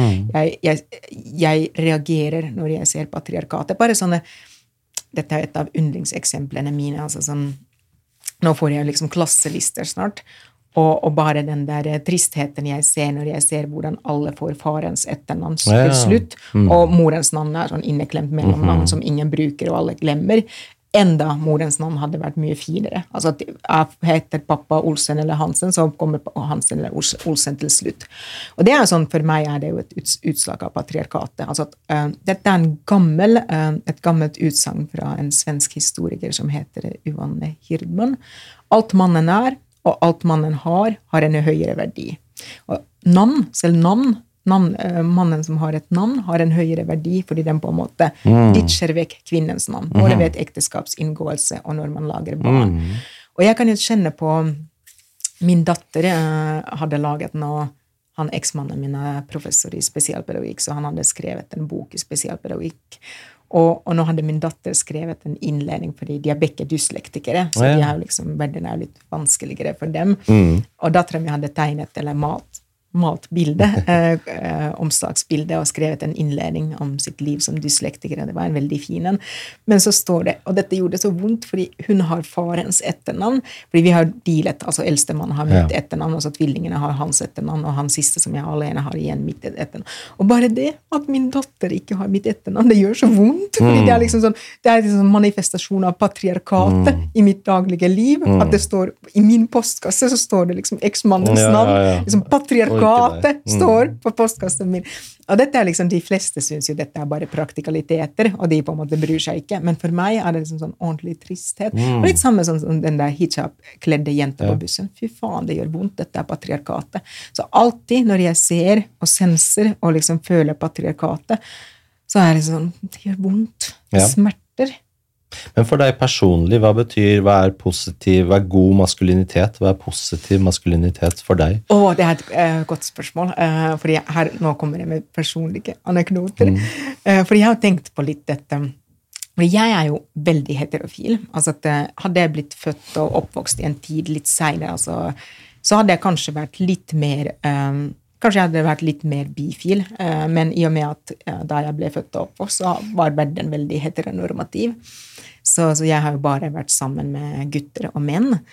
Eh, og så da jeg ble skilt, så ble det jo sånn eh, For da var jeg liksom plutselig liksom skulle finne kjæreste og eller ikke, eller sånn, plutselig var liksom sånn, Jeg hadde jo hatt en langvarig identitet som en gift kvinne, og den var plutselig borte. Og så man liksom, må man orientere seg på et kjønnsmarked eh, som man ikke hadde gjort på 15 år. Eh, veldig ny og rar situasjon.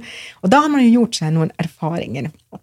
Eh, og, eh, og, det er eh, eh, og litt samme som når man er i 20-årene, eller, eller, da jeg var ung og liksom skulle finne den mannen jeg slår meg ned sammen med og liksom lager barn. At man tester ulike eh, at Hvem er det som, det klaffer med? Og litt sammen nå. Nå har jeg vært skilt i seks år, vel. Eh, at man har gjort seg noen erfaringer. Og jeg er blitt veldig liksom klar over hva jeg ser etter en mann. Og maskulinitet er jo en av de faktorene. Altså hvor, eh, og, og hva man liksom forbinder med maskulinitet, mm. er jo sikkert litt ulikt. Men, men jeg har jo ditchet menn som ikke har vært maskuline nok for ja. meg.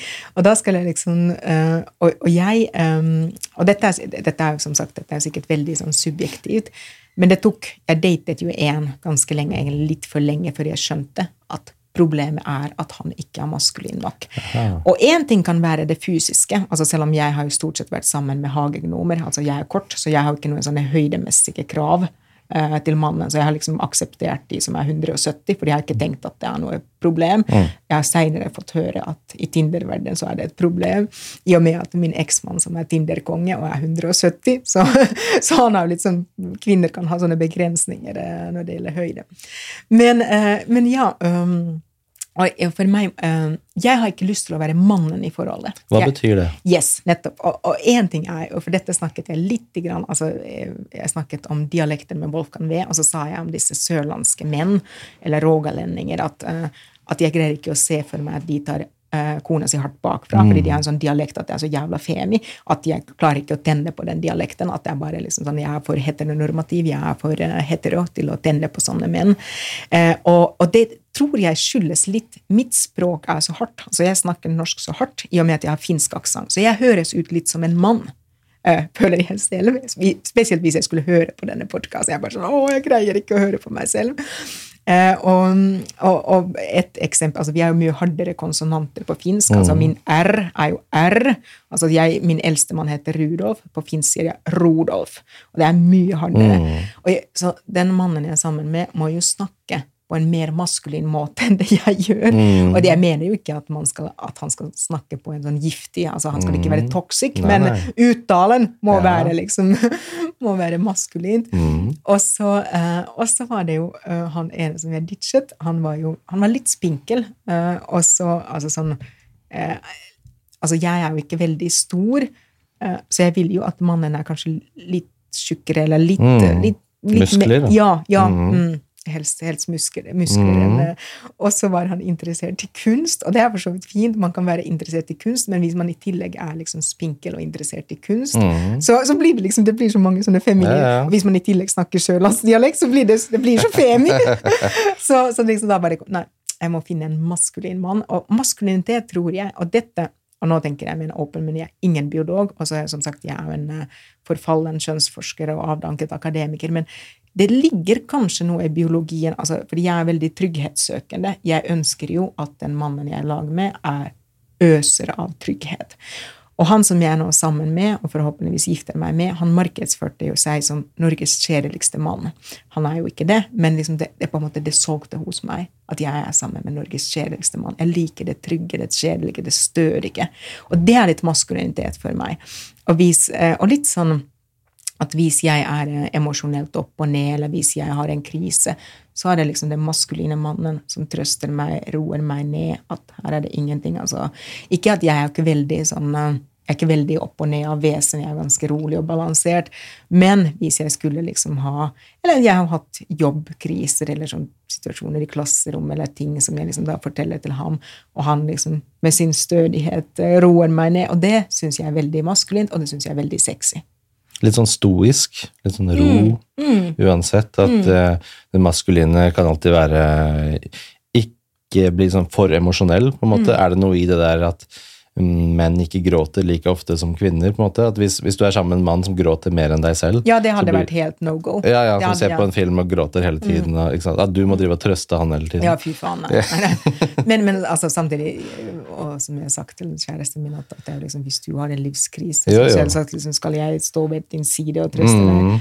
Eh, det skulle jo bare mangle. Men, men det er jo, du er litt inne på det, og dette er veldig sånn heteronormativ Mm. måte for meg å liksom Jo, jo. men, men dette er jo alltid personlige preferanser. Jo, jo. Men tror du ikke det er noe biologisk der også? Jeg, jeg tror jo det. Det er Mm. min hypotese at det er noe biologisk. Det er en biologisk, eh, et biologisk behov hos meg som blir, sikkert blir forsterket av kulturen. Men det er jo fint hvis det finnes damer for de Jo, feminine mennene også. Men, eh, men det hender jo at altså Vi kjenner sikkert alle litt sånn umake par, eller hvor vi liksom tenker at oi, der er kvinnen mannen. Mm. Ja, ja. Men nå tenker- Kvinnen er mannen i forholdet, ikke Ja, sant? Ja, ja. Alle vet hva du mener når du sier det, men det er vanskelig å sette ord på hva det betyr. Men alle skjønner hvis du sier ja, det er en veldig maskulin mann. Alle vet det, men det er vanskelig å få folk til å sette ord på hva det er for noe. Eller det er en veldig feminin kvinne. Alle vet hva det betyr òg, men, men når ordene kommer, for da blir det veldig vanskelig å si det. Um, men så, det er det jeg prøver gjennom denne podkasten her også, så har jeg en sånn søken etter hva er positiv maskulinitet, hva er femininitet, og ikke minst hva er en god mann? Går det an å si noe om det? Hva tenker du, hva er en god mann i En god mann er jo et godt menneske. Altså, Vi er jo først og fremst mennesker. En god mann er jo det samme som en god kvinne. Ja, men det er der, er der det blir så vanskelig, for jeg prøver å finne ut fordi mennesker Det er greit nok at man er et godt menneske, ikke sant? men gutter i dag, menn i dag, hvem er det de kan se opp til som et mannlig forbilde for dem?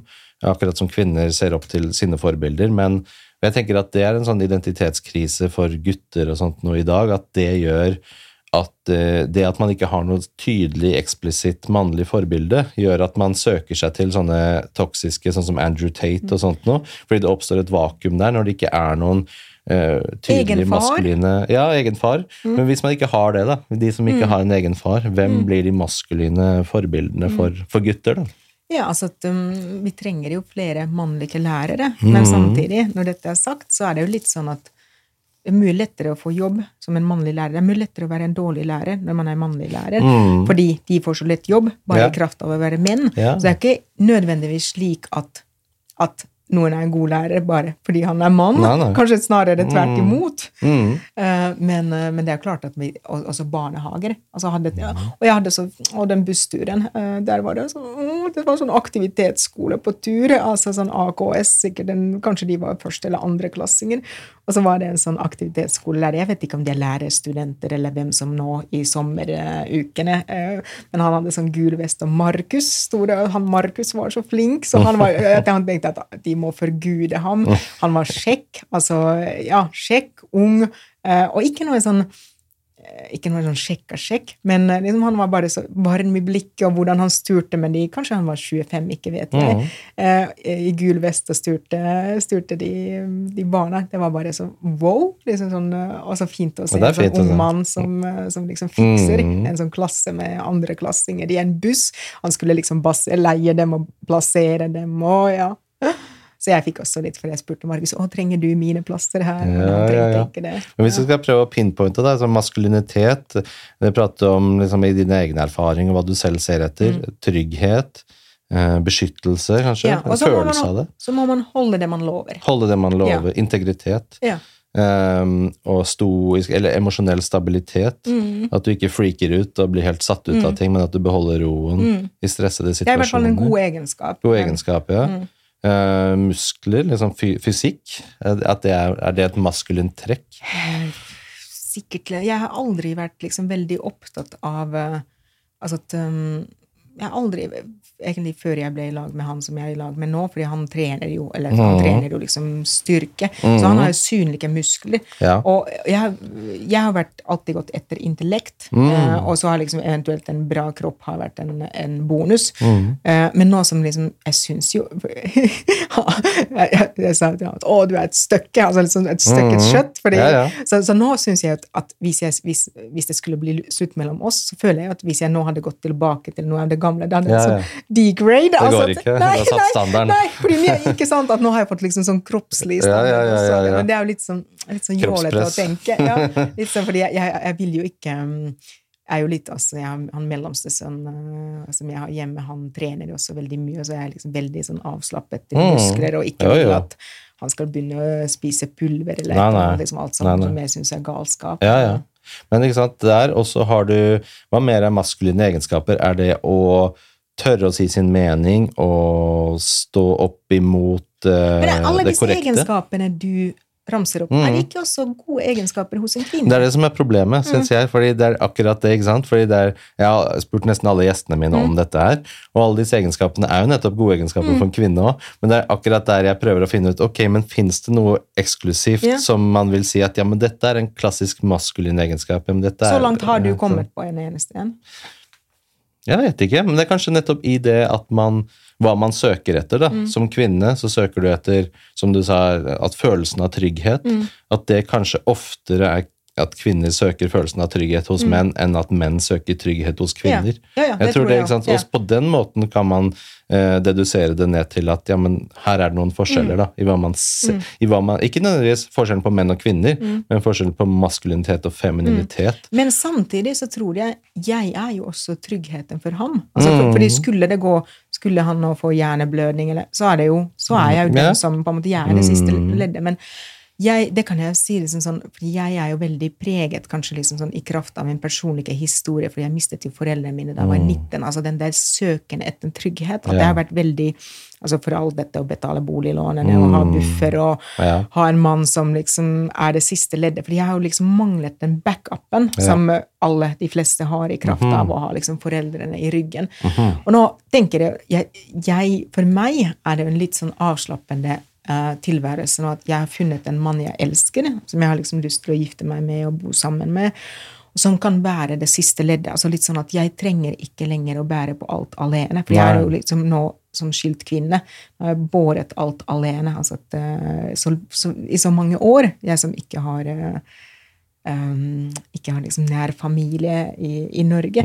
Og så føler jeg at alt har alltid hvilt på meg. Mm. Og nå liksom sånn første gang liksom sånn, åh, jeg kan faktisk slappe av litt. At det er et ledd bak meg som tar imot hvis Ja. jeg ikke greier. Ja, ja. Og det er liksom kanskje det fineste med men, men jeg tenker jo at det går begge veier. I og med at, altså at, uh, at uh, kjærlighet er jo at jeg skal også være hans siste ledd. At hvis det svikter noe hos ham, altså fysisk eller mentalt, så er det jo jeg, hvis jeg fungerer, så er det jeg som tilbyr den tryggheten eller den der mm. trøsten for ham.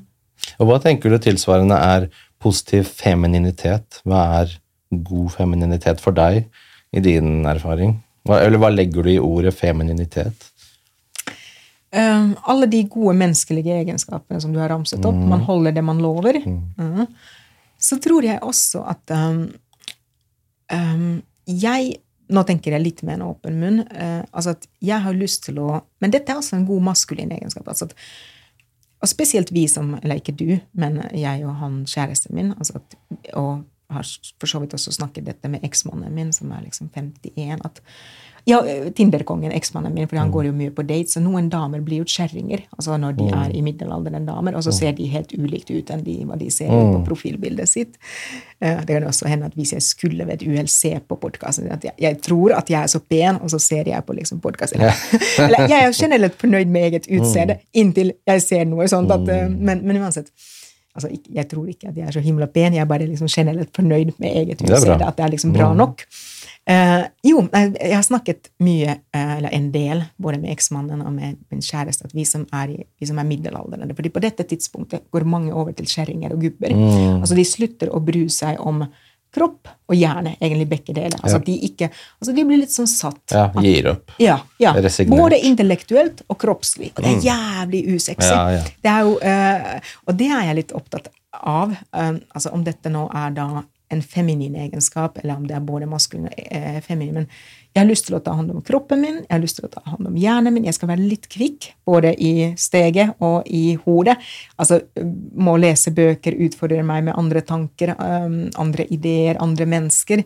Eh, altså også, jeg vil trene regelmessig. altså Selvsagt vil jeg at kroppen min er i best mulig form.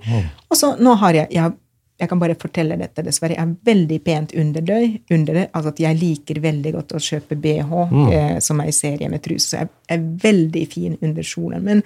Eh, bare så du vet det, og bare alle lyttere vet det. Ja. Eh, og det er for meg en sånn det gir en sånn boost, altså at um, eh, å være pent kledd også når ingen ser det. Pen innpakking, liksom. Mm. Og det er jo sånn um, en glede som Jeg syns liksom klær og sminke gir meg glede. Altså sånn å se uh, pen ut, eller se liksom brukbar ut. Mm. Eh, og det er jo kanskje kvinner mer opptatt av. altså at Kanskje den, er, den egenskapen er mer feminin. Ja. Fordi jeg tåler det mye mer av uh, Nå han som jeg er sammen med nå, han er jo veldig velkledd, fordi han jobber også i en bank, så det er dritsexy med menn i dress. Mm. fy faen. Hvorfor det, tror du? Hva kommer det av at, at kvinner syns det er eh, sexy? Jeg tror, du ser så sjelden velkledde menn at når du ser dem, i hvert fall i Innlandet Du ser Ja. aldri velkledde menn. At når du ser dem, så er det bare åh, wow. Ja.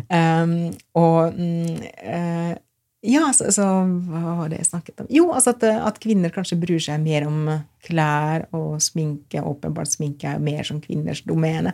Men det å bry seg om sitt utseende, både, uh, fordi det signaliserer at du bryr deg om deg selv, Ja. og du bryr deg om omgivelsene, det er både en god maskulin og feminin egenskap. Mm. Men jeg tror jo Ja, dette er et godt poeng, eller, eller kanskje et illustrerende poeng. Hvis kjæresten min klager litt for mye at han har fått for mye mage, det syns jeg er jævlig usexy, fordi menn skal ikke bry seg om sånt. Altså, ti stille, jeg vil ikke høre at du føler deg feit, fordi du skal ikke ha noen komplekser knyttet. Det er egentlig jeg som skulle hatt komplekser, men jeg syns bare at jeg er dritfin. Nei da. Men hvorfor er det sånn, tenker du, at menn skal ikke være forfengelige på den måten? Nei, jeg syns det er litt maskulint at, Ja. at man ikke liksom Bryr seg sånn sånn. Ja, og så hans mage, liksom. Det er jo ikke noe mage. At man skal være liksom sånn whatever, liksom? ja, ja, litt. At man må jo Altså, det er litt sånn er Ikke være for navlebeskuende, bokstavelig talt. Ja, ja. Og når liksom menn bare ser seg i speilet og tenker 'fy faen, jeg er bra', Ja, og så går de ut. Ja. Det er jo det som er sexy. En sånn selvhevdelse, en sånn selvtillit. At selvtillit er sexy i seg selv, da.